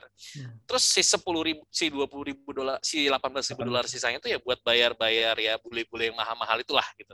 Hmm, Nah, kasus yang sama kejadian lagi waktu pas kemarin, gue bantuin kawal pemilu. Kalau lo pernah dengan kawal pemilu, itu Hmm, adalah eh, layanan validasi untuk formulir C1 secara Hmm. mandiri gitu. Waktu pas waktu pas acara awal-awal 2014 pemilu, itu mereka eh, pakai GCP, Google Cloud apa kalau nggak salah. Iya. Perkiraan tuh habis 16 ribu Hmm. 16 ribu dolar, eh 8 ribu dolar apa 10 ribu dolar waktu itu kenanya. GCP apa gitu, awal apa AWS, gue lupa pokoknya mereka pakai Hmm. itu. Terus eh, pada tahun 2019 kemarin, mereka pakai eh, mereka mau pakai GCP, gue bilangin, eh lu nggak usah pakai GCP, bayar, gue bilang gitu. Tapi nggak apa-apa, yang kita bisa fundraising. Terus gue bilang ini, lu percaya sama gue deh, server gue lebih kencang daripada GCP, gue bilang kayak Hmm. gitu. Gue kasihlah lima server yang server yang udah jadul banget, lima server doang, server yang udah jadul banget. Lu bayangin server jadul banget ya, lu garis bawah ya, server jadul banget. Hmm. Yang kalau gue bulanan, gue gua tagih secara bulanan kepada mereka, itu nggak nggak lebih dari 20 juta lah sebulan Hmm. kenanya. Hmm. dipakai selama dua bulan. Anggaplah sekitar segitu ya anggaplah 20 juta eh, sebulan. Anggaplah itu harganya udah harga ekstrim lah gitu 20 juta tuh. Tapi kalau misalnya kos gua nggak nyampe 20 juta sebulan gitu kondisinya. Itu kalau gue tagihin biayanya. Dan lo tau berapa biayanya kalau pakai GCP 16 sampai 20 ribu dolar dalam waktu dua bulan. Berapa rupiah Ingat ya, orang Indonesia ngomongin 20 juta rupiah, itu rasanya lebih mahal daripada ngomongin 20 ribu dolar. Ingat ya. Ingat ya, tapi 20 ribu dolar itu kalau kita kurskan 300 juta rupiah. Eh, Oke, tapi 20 juta rupiah di kita itu tuh 20 juta rupiah toh gitu. Cuman bagi sebagian orang Indonesia ataupun sebagian orang yang kalau ngomongnya harus ficis-ficis ala jaksel seperti itu, 20 ribu dolar tuh lebih murah. hmm. Kebayang kan gitu kondisinya kan gitu. Nah, jadi eh, kalau kemarin kalau pemilu harus pakai eh, GCP, dia akan kena 20 ribu, 16 sampai 20 ribu Hmm. dolar. Padahal gue bilang nih pakai layanan gue kurang dari segitu. Dan lo tau nggak testimoninya apa? Hmm. Gila, ini servernya kencang banget, lebih kencang daripada GCP. Terus gue bilang, ih itu server jadul banget. Gue bilang kayak gitu. Gue beli udah 10 tahun lebih. Jadi lo Gokil ngerti ya. nggak kondisinya gimana gitu? Lo pakai AWS dan pakai GCP, lo bayarin bule-bule itu aja lebih mahal gitu lo posisinya Hmm. gitu. Ya nanti yang ya bentar-bentar karyawannya pergi ke luar negeri ke mana ke mana ke mana gitu. Gue bilang ya Iya, sebenarnya iya. teknikalnya murah gitu loh. Iya, Ngapain lo bayar semahal itu gitu? Buat apa? Iya, iya, Iya betul betul. Makanya kan kondisinya sekarang bikin campaign lah untuk negeri untuk negeri gue bilang, alah gue bilang gitu kondisinya. Iya negeri lu bukan negeri gua, negeri gua tetap aja disedot kekayaannya sama lu gitu. Iya, iya, iya. Dal- dalam konteks itu Sensor ya. dalam konteks itu gue juga ini sebenarnya ya. maksudnya uh, mungkin termasuk orang yang terkena uh, uh, marketing tersebut ya dan dan Ya iyalah, lu gua gua sendiri dikasih kredit gitu loh sepuluh ribu dolar gitu. Gua ngomong Ah. aja gitu, Ah. pahit-pahit. Gua dikasih kredit sepuluh ribu dolar gitu Iya. untuk ngedevelop uh, sebuah project yang sebenarnya ya kalau gua pakai hosting cuman kena alah cuma kena tiga ribu paling gitu kena ya tiga ribu lima ribu setahun gitu. Tapi gua dikasih kredit sepuluh ribu dolar dan Iya, kalau iya. gua pakai itu semua tuh kredit tuh, gua akan keluar bill sekitar delapan ribu untuk development project gua. Padahal kalau beli hosting cuma tiga ribu gitu. Iya iya iya. Iya iya. Ya cocok banget kan buat nge-market invoice kan posisinya gitu. Iya. Nah, nah ini juga gue kan sebenarnya oke ada produk gitu, tapi mostly sebenarnya revenue stream itu adalah services ya, secara bisnis dan secara Ya, pribadi ya, juga. ya. Uh, ya, dan gue nge-serve beberapa instansi pemerintah tuh sebenarnya, apalagi dalam Ya, ya, respon ya, ya, ya, ya. COVID ini nih du- dari dua tahun terakhir ini kan permintaan digital tuh sangat tinggi banget ya, Ya, ya, termasuk ya. juga misalnya layanan apalah uh, uh, pemantauan itu ada gua nggak enak nyebutnya lah pem- Ya, pemantau- ya, website ya, ya, pemantauan dan kebanyakan kan uh, ada yang gue bantu teknis, ada yang juga gue bantu secara uh, belanja aja sebenarnya, memang Hmm, memfasilitasi belanja lah ibaratnya. Uh, dan memang uh, mostly ya semuanya sih sebenarnya memakai tools-tools uh, ya itu tadi yang lu sebut kayak GCP, AWS bahkan Ya, uh, ya. bahkan tools-tools mappingnya oke ya memang mungkin kalau mapping inilah uh, Kalau mapping kita butuh lah. ya kita GIS butuh emang lah. paling bagus di GIS emang di Google Maps paling bagus. Iya, Tapi kan lo bisa nge-combine itu sebenarnya dengan tools yang luar. Itu kan bisa dulu hybrid kan. iya, Sebab iya. masalahnya gini loh, eh, ada istilahnya dalam industri cloud itu istilahnya platform lock. Heeh. Platform lock itu adalah ketika lo berusaha untuk memindahkan eh, memindahkan produk lo keluar dari platform yang udah ada dan lo Iya. kena platform lock. Iya, iya. ujung-ujungnya lo terpaksa untuk bayar di situ. Contohnya Betul. udah kena platform lock yang gue sebut adalah WhatsApp dan Netflix. Dua-duanya kena platform lock. WhatsApp itu masih core-nya di masih core-nya di software lo, di di IBM lo sekarang, nggak ditaruh di Facebook. Kalau lo mau tahu, ketika mereka coba untuk ngeluarin itu dari Facebook, eh ngeluarin itu dari Iya. eh, software, Hmm. mereka mati. Servicesnya mati. Sama ketika Netflix, Netflix juga sama. Mereka ketika mau berusaha untuk memindahkan eh, si Netflix itu keluar dari eh, AWS, mati. Hmm. Hmm. Jadi kondisinya uh, lo kena platform lock. Kenapa? Karena developer lo semua udah dibikin di situ. Tapi Iya. kalau lo bikin semua di situ, lo harus nge-rewrite code dan lain-lain gitu. Iya. Lo akan keluar biaya lebih banyak mungkin. Iya betul. Jadi ya udah akhirnya udah lo jadikanlah itu OPEX lo gede banget di situ. Iya betul betul. Kalau kalau kita kan ngomongnya kan sebenarnya kalau capex kan kita cuma keluar sekali ya gitu. Iya. Jadi gini loh, aplikasi code itu sebenarnya cocoknya untuk sesuatu yang sifatnya short term. Sesuatu yang sifatnya short term yang lo harus beli hardware mahal dan kalau misalnya lo beli hardware yang mahal, eh, lo pakai cuma tiga bulan, lo pakai cuma 8 bulan project kan banyak kayak gitu gitu kan. Lo pakai aplikasi cloud itu cocok. Tapi kalau sifatnya long term, lo pengen bikin sesuatu yang gede, ngapain gitu? Hmm. Hmm. Satu lo kena platform lock, yang kedua lo kena lo kena lo kena males di DevOps-nya Iya betul. developer lu itu males jadinya gitu. Developer lu udah terbiasa dengan tools-tools yang ada seperti itu. Jadi Betul. males. Gue bilang males. Kenapa gitu? Contohnya gini deh, kayak 12 12 gitu ya. Kayak kemarin 12 12. Sekarang sih. Eh gue sebut deh ada satu ada ya hari ini gitu tadi Hmm. malam gitu. Hmm. Gue sebut deh gitu. Ada ada satu ada satu eh, startup yang pakai cloud kotan yang gue nggak tahu pakai cloud kotan punya siapa gitu. Kayak punya Google sih gitu. Kayak gue juga DevOps-nya males gitu. Jadi harusnya kan DevOps itu harus bisa memperkirakan dia butuh infrastruktur berapa. Iya. Tapi dia pakai auto scale gitu loh. Iya. Nah, artinya apa? Kalau lu pakai Biayanya. auto scale kan posisinya lu harus nunggu sekian menit dulu untuk ngehang ataupun dia itu not responsive baru lu mekarin kan tuh si Iya naik. ininya. Lu mekarin si eh, space lo kan gitu. Iya. Dan kemudian nanti ketika ketika udah mekar lu harus nunggu dulu kan untuk sistemnya up, stabil. Perlu mungkin 15 menit. Tapi customer lu udah hilang dong. Iya. Mikirnya ke- mikirnya ke situ nggak? Enggak. Mikirnya apa? Praktis aja pakai cloud gitu Iya iya iya. betul betul. Tapi nggak nggak kepikiran ke situ gitu. Jadi kalau gue bikin sebuah gue bikin project nih ketika gue ngomong sama customer gue gitu eh lo mau bikin project apa sih oh gue mau bikin CBT misalnya gitu eh, computer based test gitu bikin eh, mau orang gitu kondisinya eh gue mau bikin kondisinya ada 20 kali tes dalam satu hari dan gue pengen eh, satu hari itu bisa dalam satu tes itu bisa ngomong 2000 orang. Oh ya lu butuh infrastruktur yang gede kayak gini. Berapa kenanya? Misalnya ketika gue bilang lu kenanya sekitar 5 juta, gue bilang itu. Lu habis hardware sekitar 5 juta, anggaplah sekitar 5 juta gitu ngomongnya. Kok mahal ya gitu ya? Kok gue pakai cloud cuma kena sekitar 700 dolar? Hmm. Lu ngerti nggak sih maksud gue? Customer Indonesia itu dibilang 5 juta rupiah itu mahal, tapi dibilang 700 dolar itu murah. Iya kan gitu. Itu karena faktor currency kita. Iya, iya. Yang kedua, ya nolnya kebanyakan. Yang kedua, kalau di cloud kan lo harus pakai auto scale. Auto scale-nya kondisinya lo nggak pernah ngeset posisinya itu berapa dan eh, posisinya itu eh, ngapain aja gitu kan si auto scale itu policy-nya gitu kan. Iya, iya. Nah, Kondisinya ketika ada 2000 orang, harusnya kan lo nyiapin ruangan untuk 2000 orang. Auto scale itu ibaratnya gini loh. Lo sewa sewa hall gitu ya untuk menyiapkan 2000 orang, tapi karena lo pelit, lo sediain hall cuma buat 20 orang aja. Nanti kalau misalnya posisinya datang orangnya banyak, baru lo gedein. Hmm. Kan pemborosan waktu kan posisinya. Artinya apa? Harus ada proses untuk ngeberesin hall itu sendiri, ada proses setting. Meskipun settingnya bisa dibikin otomatis, tapi kenapa nggak lo dari awal nyediain hall gede aja gitu kan gitu. Kondisi Hmm. gitu kan gitu. Iya. meskipun lo tahu pakai lo cuma oh gue cuma pakai berapa hari doang gitu kan gitu. Hmm. ya udah berapa hari doang? Ya udah itu sewa gede aja gitu. Kenapa? Nanti lo settingnya repot. Nanti kalau ada ada ada crowded jadi masalah gitu. Customer lo keburu hilang gitu.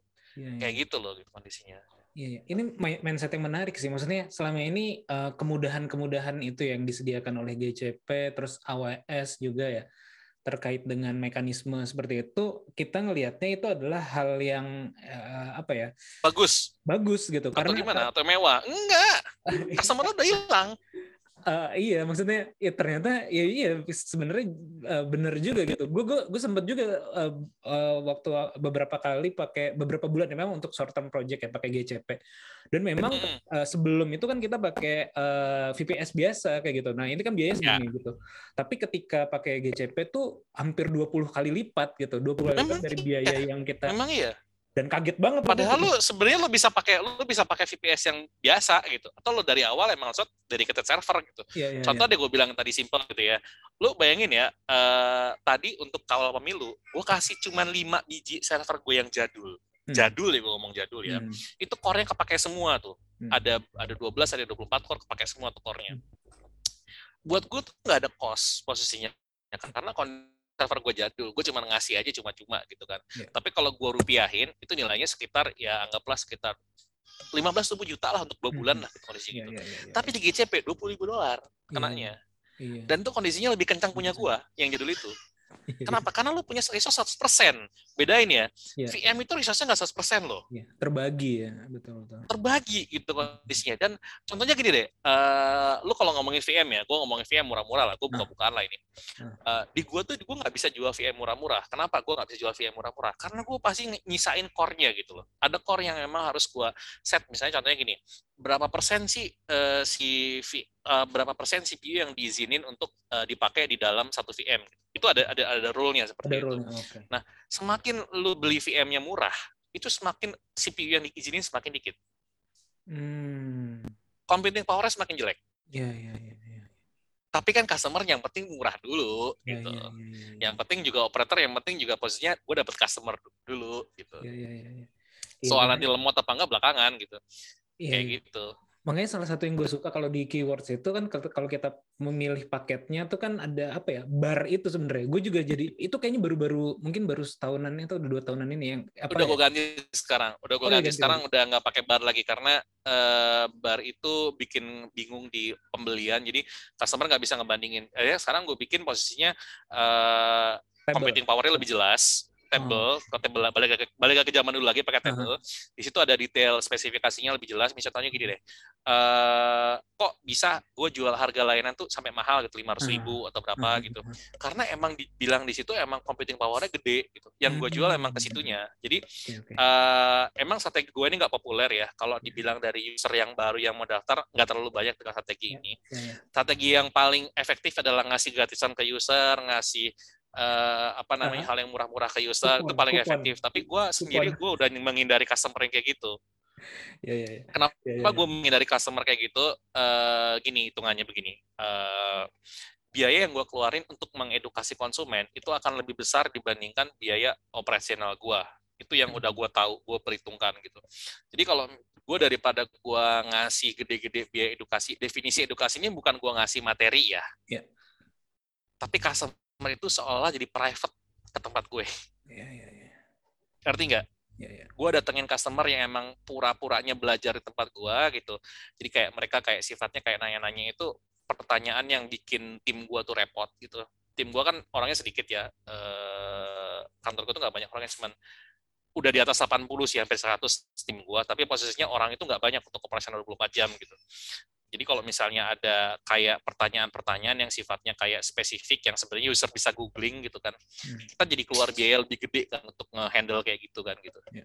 sementara kan kondisinya gue sendiri bermain dengan margin yang emang nggak terlalu gede gitu kondisinya gitu jadi better gue jujur sama konsumen gitu dan itu yang credo yang gue pahami dari dulu dan yang gue anggap itu lebih baik dibandingkan gue berusaha untuk ngibulin konsumen dengan kondisinya ngomong oh iya nih kita punya eh, data center sendiri padahal sewa gitu ya ngomong aja sih sewa gitu kita kita bekerja sama dengan data center A gitu kan banyak tuh provider yang ngaku-ngaku punya data center gitu Hmm. ya itu ada masalah, oh ini data center ini yang kebakaran.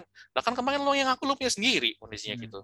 Kalau lu mengelola, kalau gua kan gue ngomongnya, gue emang sewa di gedung cyber posisinya, tapi gue mengelola dan membuat data center sendiri Hmm. kondisinya. Jadi kita tahu dalamannya kayak gimana gitu. Kita tahu kapasitasnya gimana gitu. Jadi gua nggak nggak akan mau tuh namanya kayak over apa Selling. ya over capacity gitu gue nggak mau overselling itu gue nggak mau gitu karena kondisinya gue yang milih konsumen gitu konsumen gue pilih maksudnya kalau ada konsumen yang emang butuhnya gede gitu kan Hmm. ya otomatis casnya gede juga gitu nggak mungkin kalau gue bikin eh, konsumen itu butuhnya gede gue casnya ala ala murah-murah kan artinya gue ada gue agak cheating di sesuatu gitu gue nggak mau Hmm. cheating di situ gitu Iya, iya. better gue untuk eh, jual apa adanya gitu kondisi gitu Iya, iya, iya. gitu Ya, sih ya menarik banget sih ini obrolannya. Jadi dari dari ngomongin mungkin bagi yang denger jadinya banyak ini ya. banyak yang istilah banyak bingung gitu. Tapi tapi tapi bagi gue sendiri sebenarnya insightful banget ya. Mudah-mudahan teman-teman yang denger eh, juga eh, merasakan iya gitu. Ng- ngapain sih gitu? Ya mes- meskipun teman-teman kita banyak yang kerja di AWS ya gue punya Ah. teman baik banget jadi AWS bagian Ya. policy. Aku bilang gue cuma ketawa ya lo ngapain jadi situ? gitu. Ya oke lah tapi duitnya gede lah. Ya oke lah gitu. Itu profesional. Cuman gue bilang gue agak nggak suka sama salesnya gue bilang gitu. Ngomongnya gede banget gitu kayak seolah wah gitu. Padahal gue biasa aja gitu. Iya, iya, iya, betul. dan betul, kita nggak butuh kayak gitu sebenarnya. Dan apa ya eh, jahat itu nyetanin orang gitu gue bilang gitu. Mau di GCP kayak mau di mana kayak gitu. Sama aja gue bilang itu nyetan orang.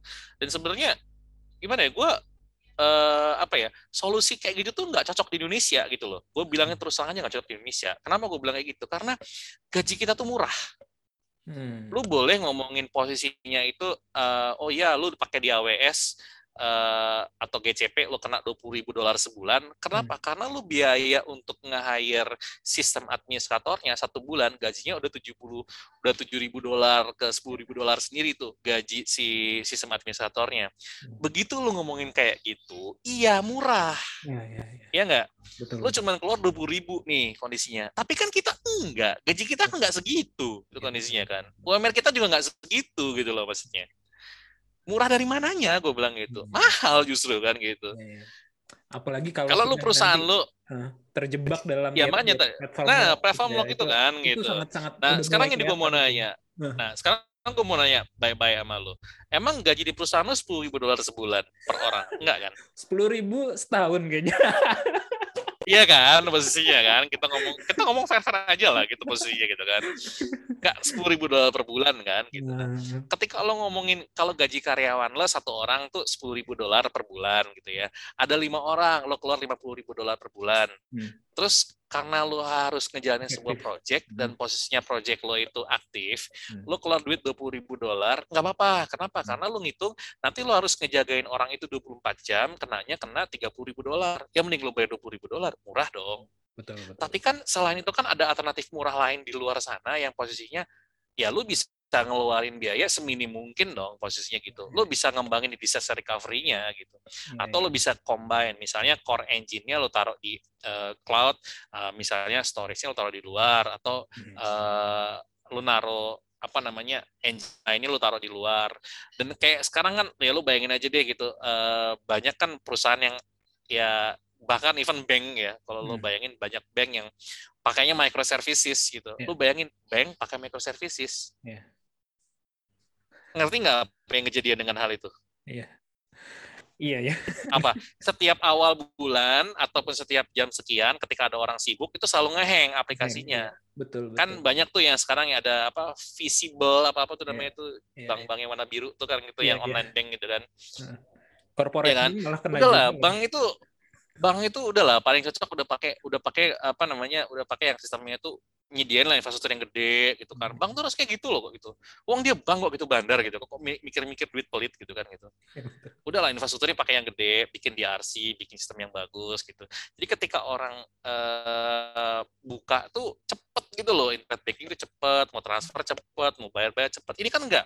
Lo loading untuk nunggu saldonya aja lama nih aduh lama banget nih kayak gitu, lama banget nih itu kenapa karena engineer-nya diajarkan untuk menggunakan cloud menggunakan auto scale gitu loh jadi Hmm. tidak pernah berpikir bagaimana cara kita mengskalakan tanpa adanya otomatisasi gitu loh Betul, betul, auto betul. scale boleh auto scale tapi posisinya lo harus ngasih buffer yang gede dong bukan buffer yang minim Iya, iya.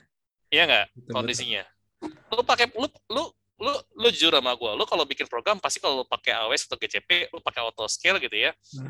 lo pasti setnya yang minim dong karena lo Iya. lo gede bener nggak Iya, ya nggak iya, iya. pasti kayak gitu pasti Iya, kayak iya. gitu Eh, ya, eh, iya sih, memang ya. Maksudnya pada kenyataan pasti seperti itu. Iya.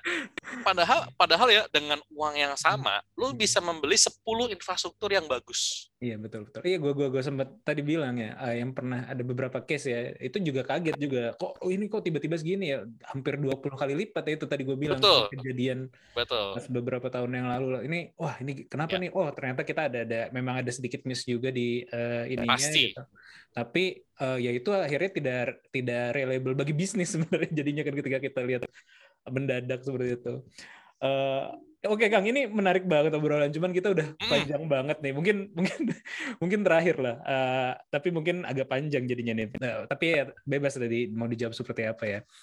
Eh, eh, yang eh, aku lihat ya dari tadi obrolan, apakah eh, sentimen ini ada kaitannya dengan bukan bukan dalam ya oke lah dalam bisnis ya dan dan dalam fairness dalam bisnis gitu.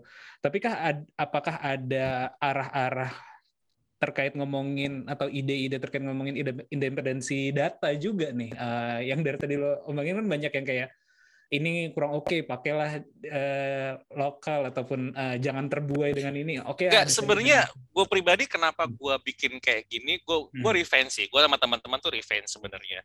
Kondisinya karena kami yang emang eh, marketnya udah lama di sini, tiba-tiba didisrupsi kan gitu, didisrupsi dengan cara dijelek-jelekin.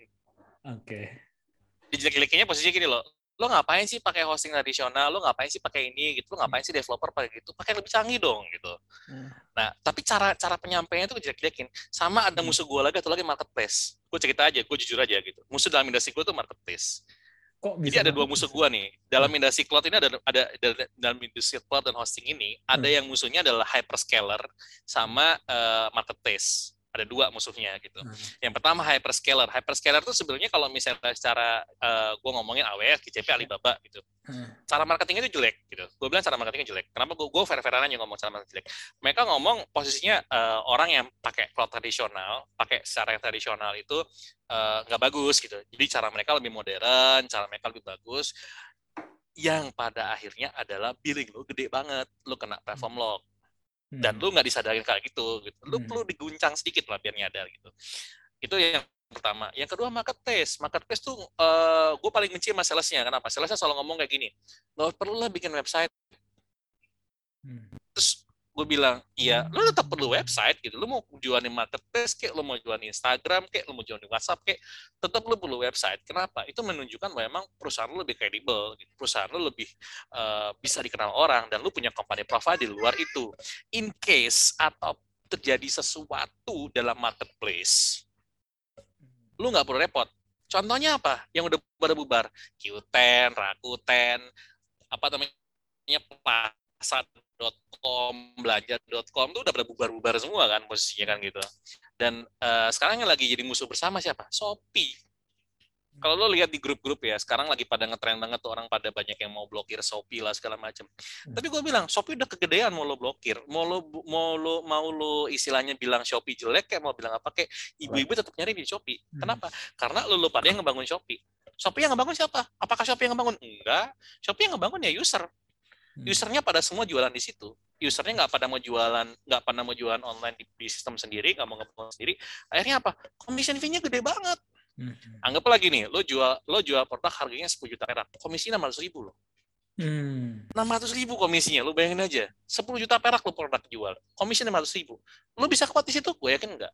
Hmm. Kenapa? Karena margin jualan produk se- se- 10 juta, itu belum tentu 600 ribu. Bisa jadi cuma 300 ribu.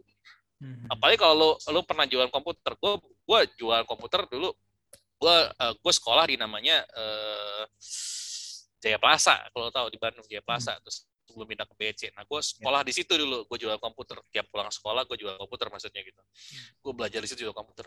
Tipis bro, jualan komputer untungnya goceng lah. Paling dia sepuluh ribu lah, dua puluh ribu.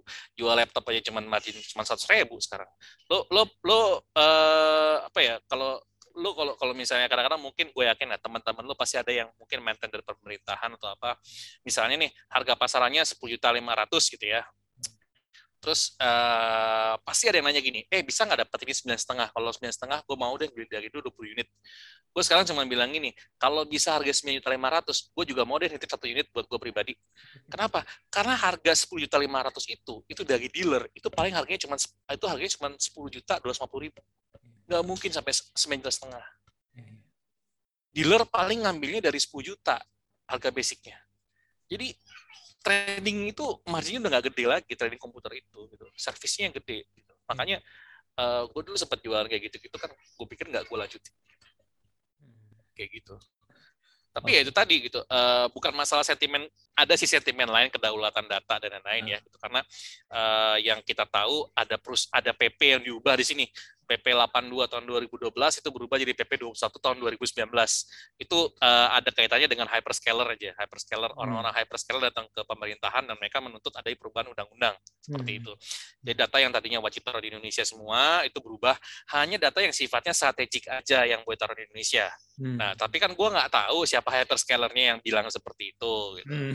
Tapi posisinya kok gue ngelihat dari Kominfo ngotot banget ya. Ada beberapa orang tuh kok eh ngotot banget. Gue bilang ya udahlah akhirnya kita ngalah lah gitu posisinya. Kita tadinya tetap mau ke MK gua dari Asosiasi Cloud Hosting Indonesia sama Asosiasi Tandingan bukan Asosiasi Tandingan Asosiasi sebelah gua gitu.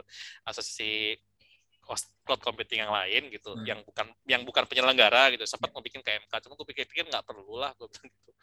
Hmm. ya gini aja lah kita ikutin aja permainannya seperti apa. Karena posisi di data posisi di industri gue itu eh, apa ya lo harus bisa jadi cowok dan lo harus bisa jadi cewek ngerti gak Hmm. lo harus Iya, bisa fleksibel lo harus bisa jadi primary dan lo harus bisa jadi secondary sekaligus jadi Hmm. eh lo dualismenya di situ gitu dan dari itu gue gue terapin di sekarang juga kondisi dalam kondisi keadaan kahar bencana seperti ini Hmm. eh force seperti ini gue bilang ya semua harus bisa saling backup gue bilang gitu. Kondisi yang kemarin gue gua gua kasih tahu ke teman-teman juga gitu. Lo nggak perlu malu kok gue bilang lo naruh data center gue nggak usah malu. Gitu. Makanya ada provider yang naruh tempat gue gue bilang biasa aja kok. Dulu juga orang hosting naruh tempat gue gitu kondisinya. Hmm. gue juga dulu sempat naruh DNS di tempat lo gitu kondisinya gitu.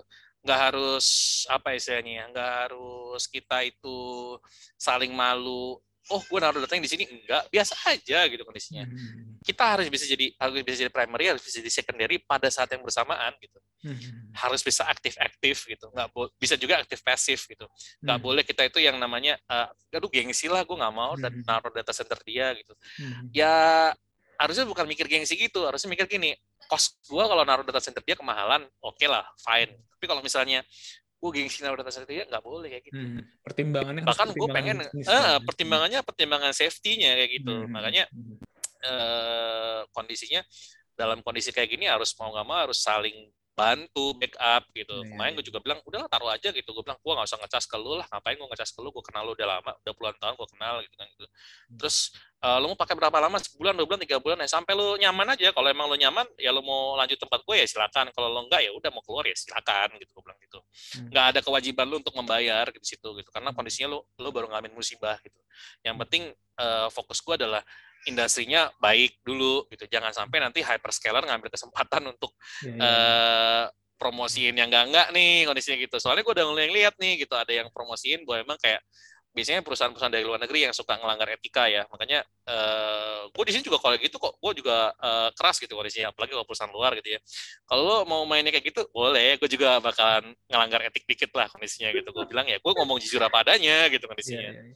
Iya, iya. Tapi yang yang tadi gue bilang ya di minggu yang sama kejadian, eh, tapi Ya. sangat berbeda reaksinya. Ent- Entah mungkin penggunanya, eh, ah, tapi rasanya harusnya penggunanya banyak ya. Cuman Banyak maksudnya, penggunanya betul, betul.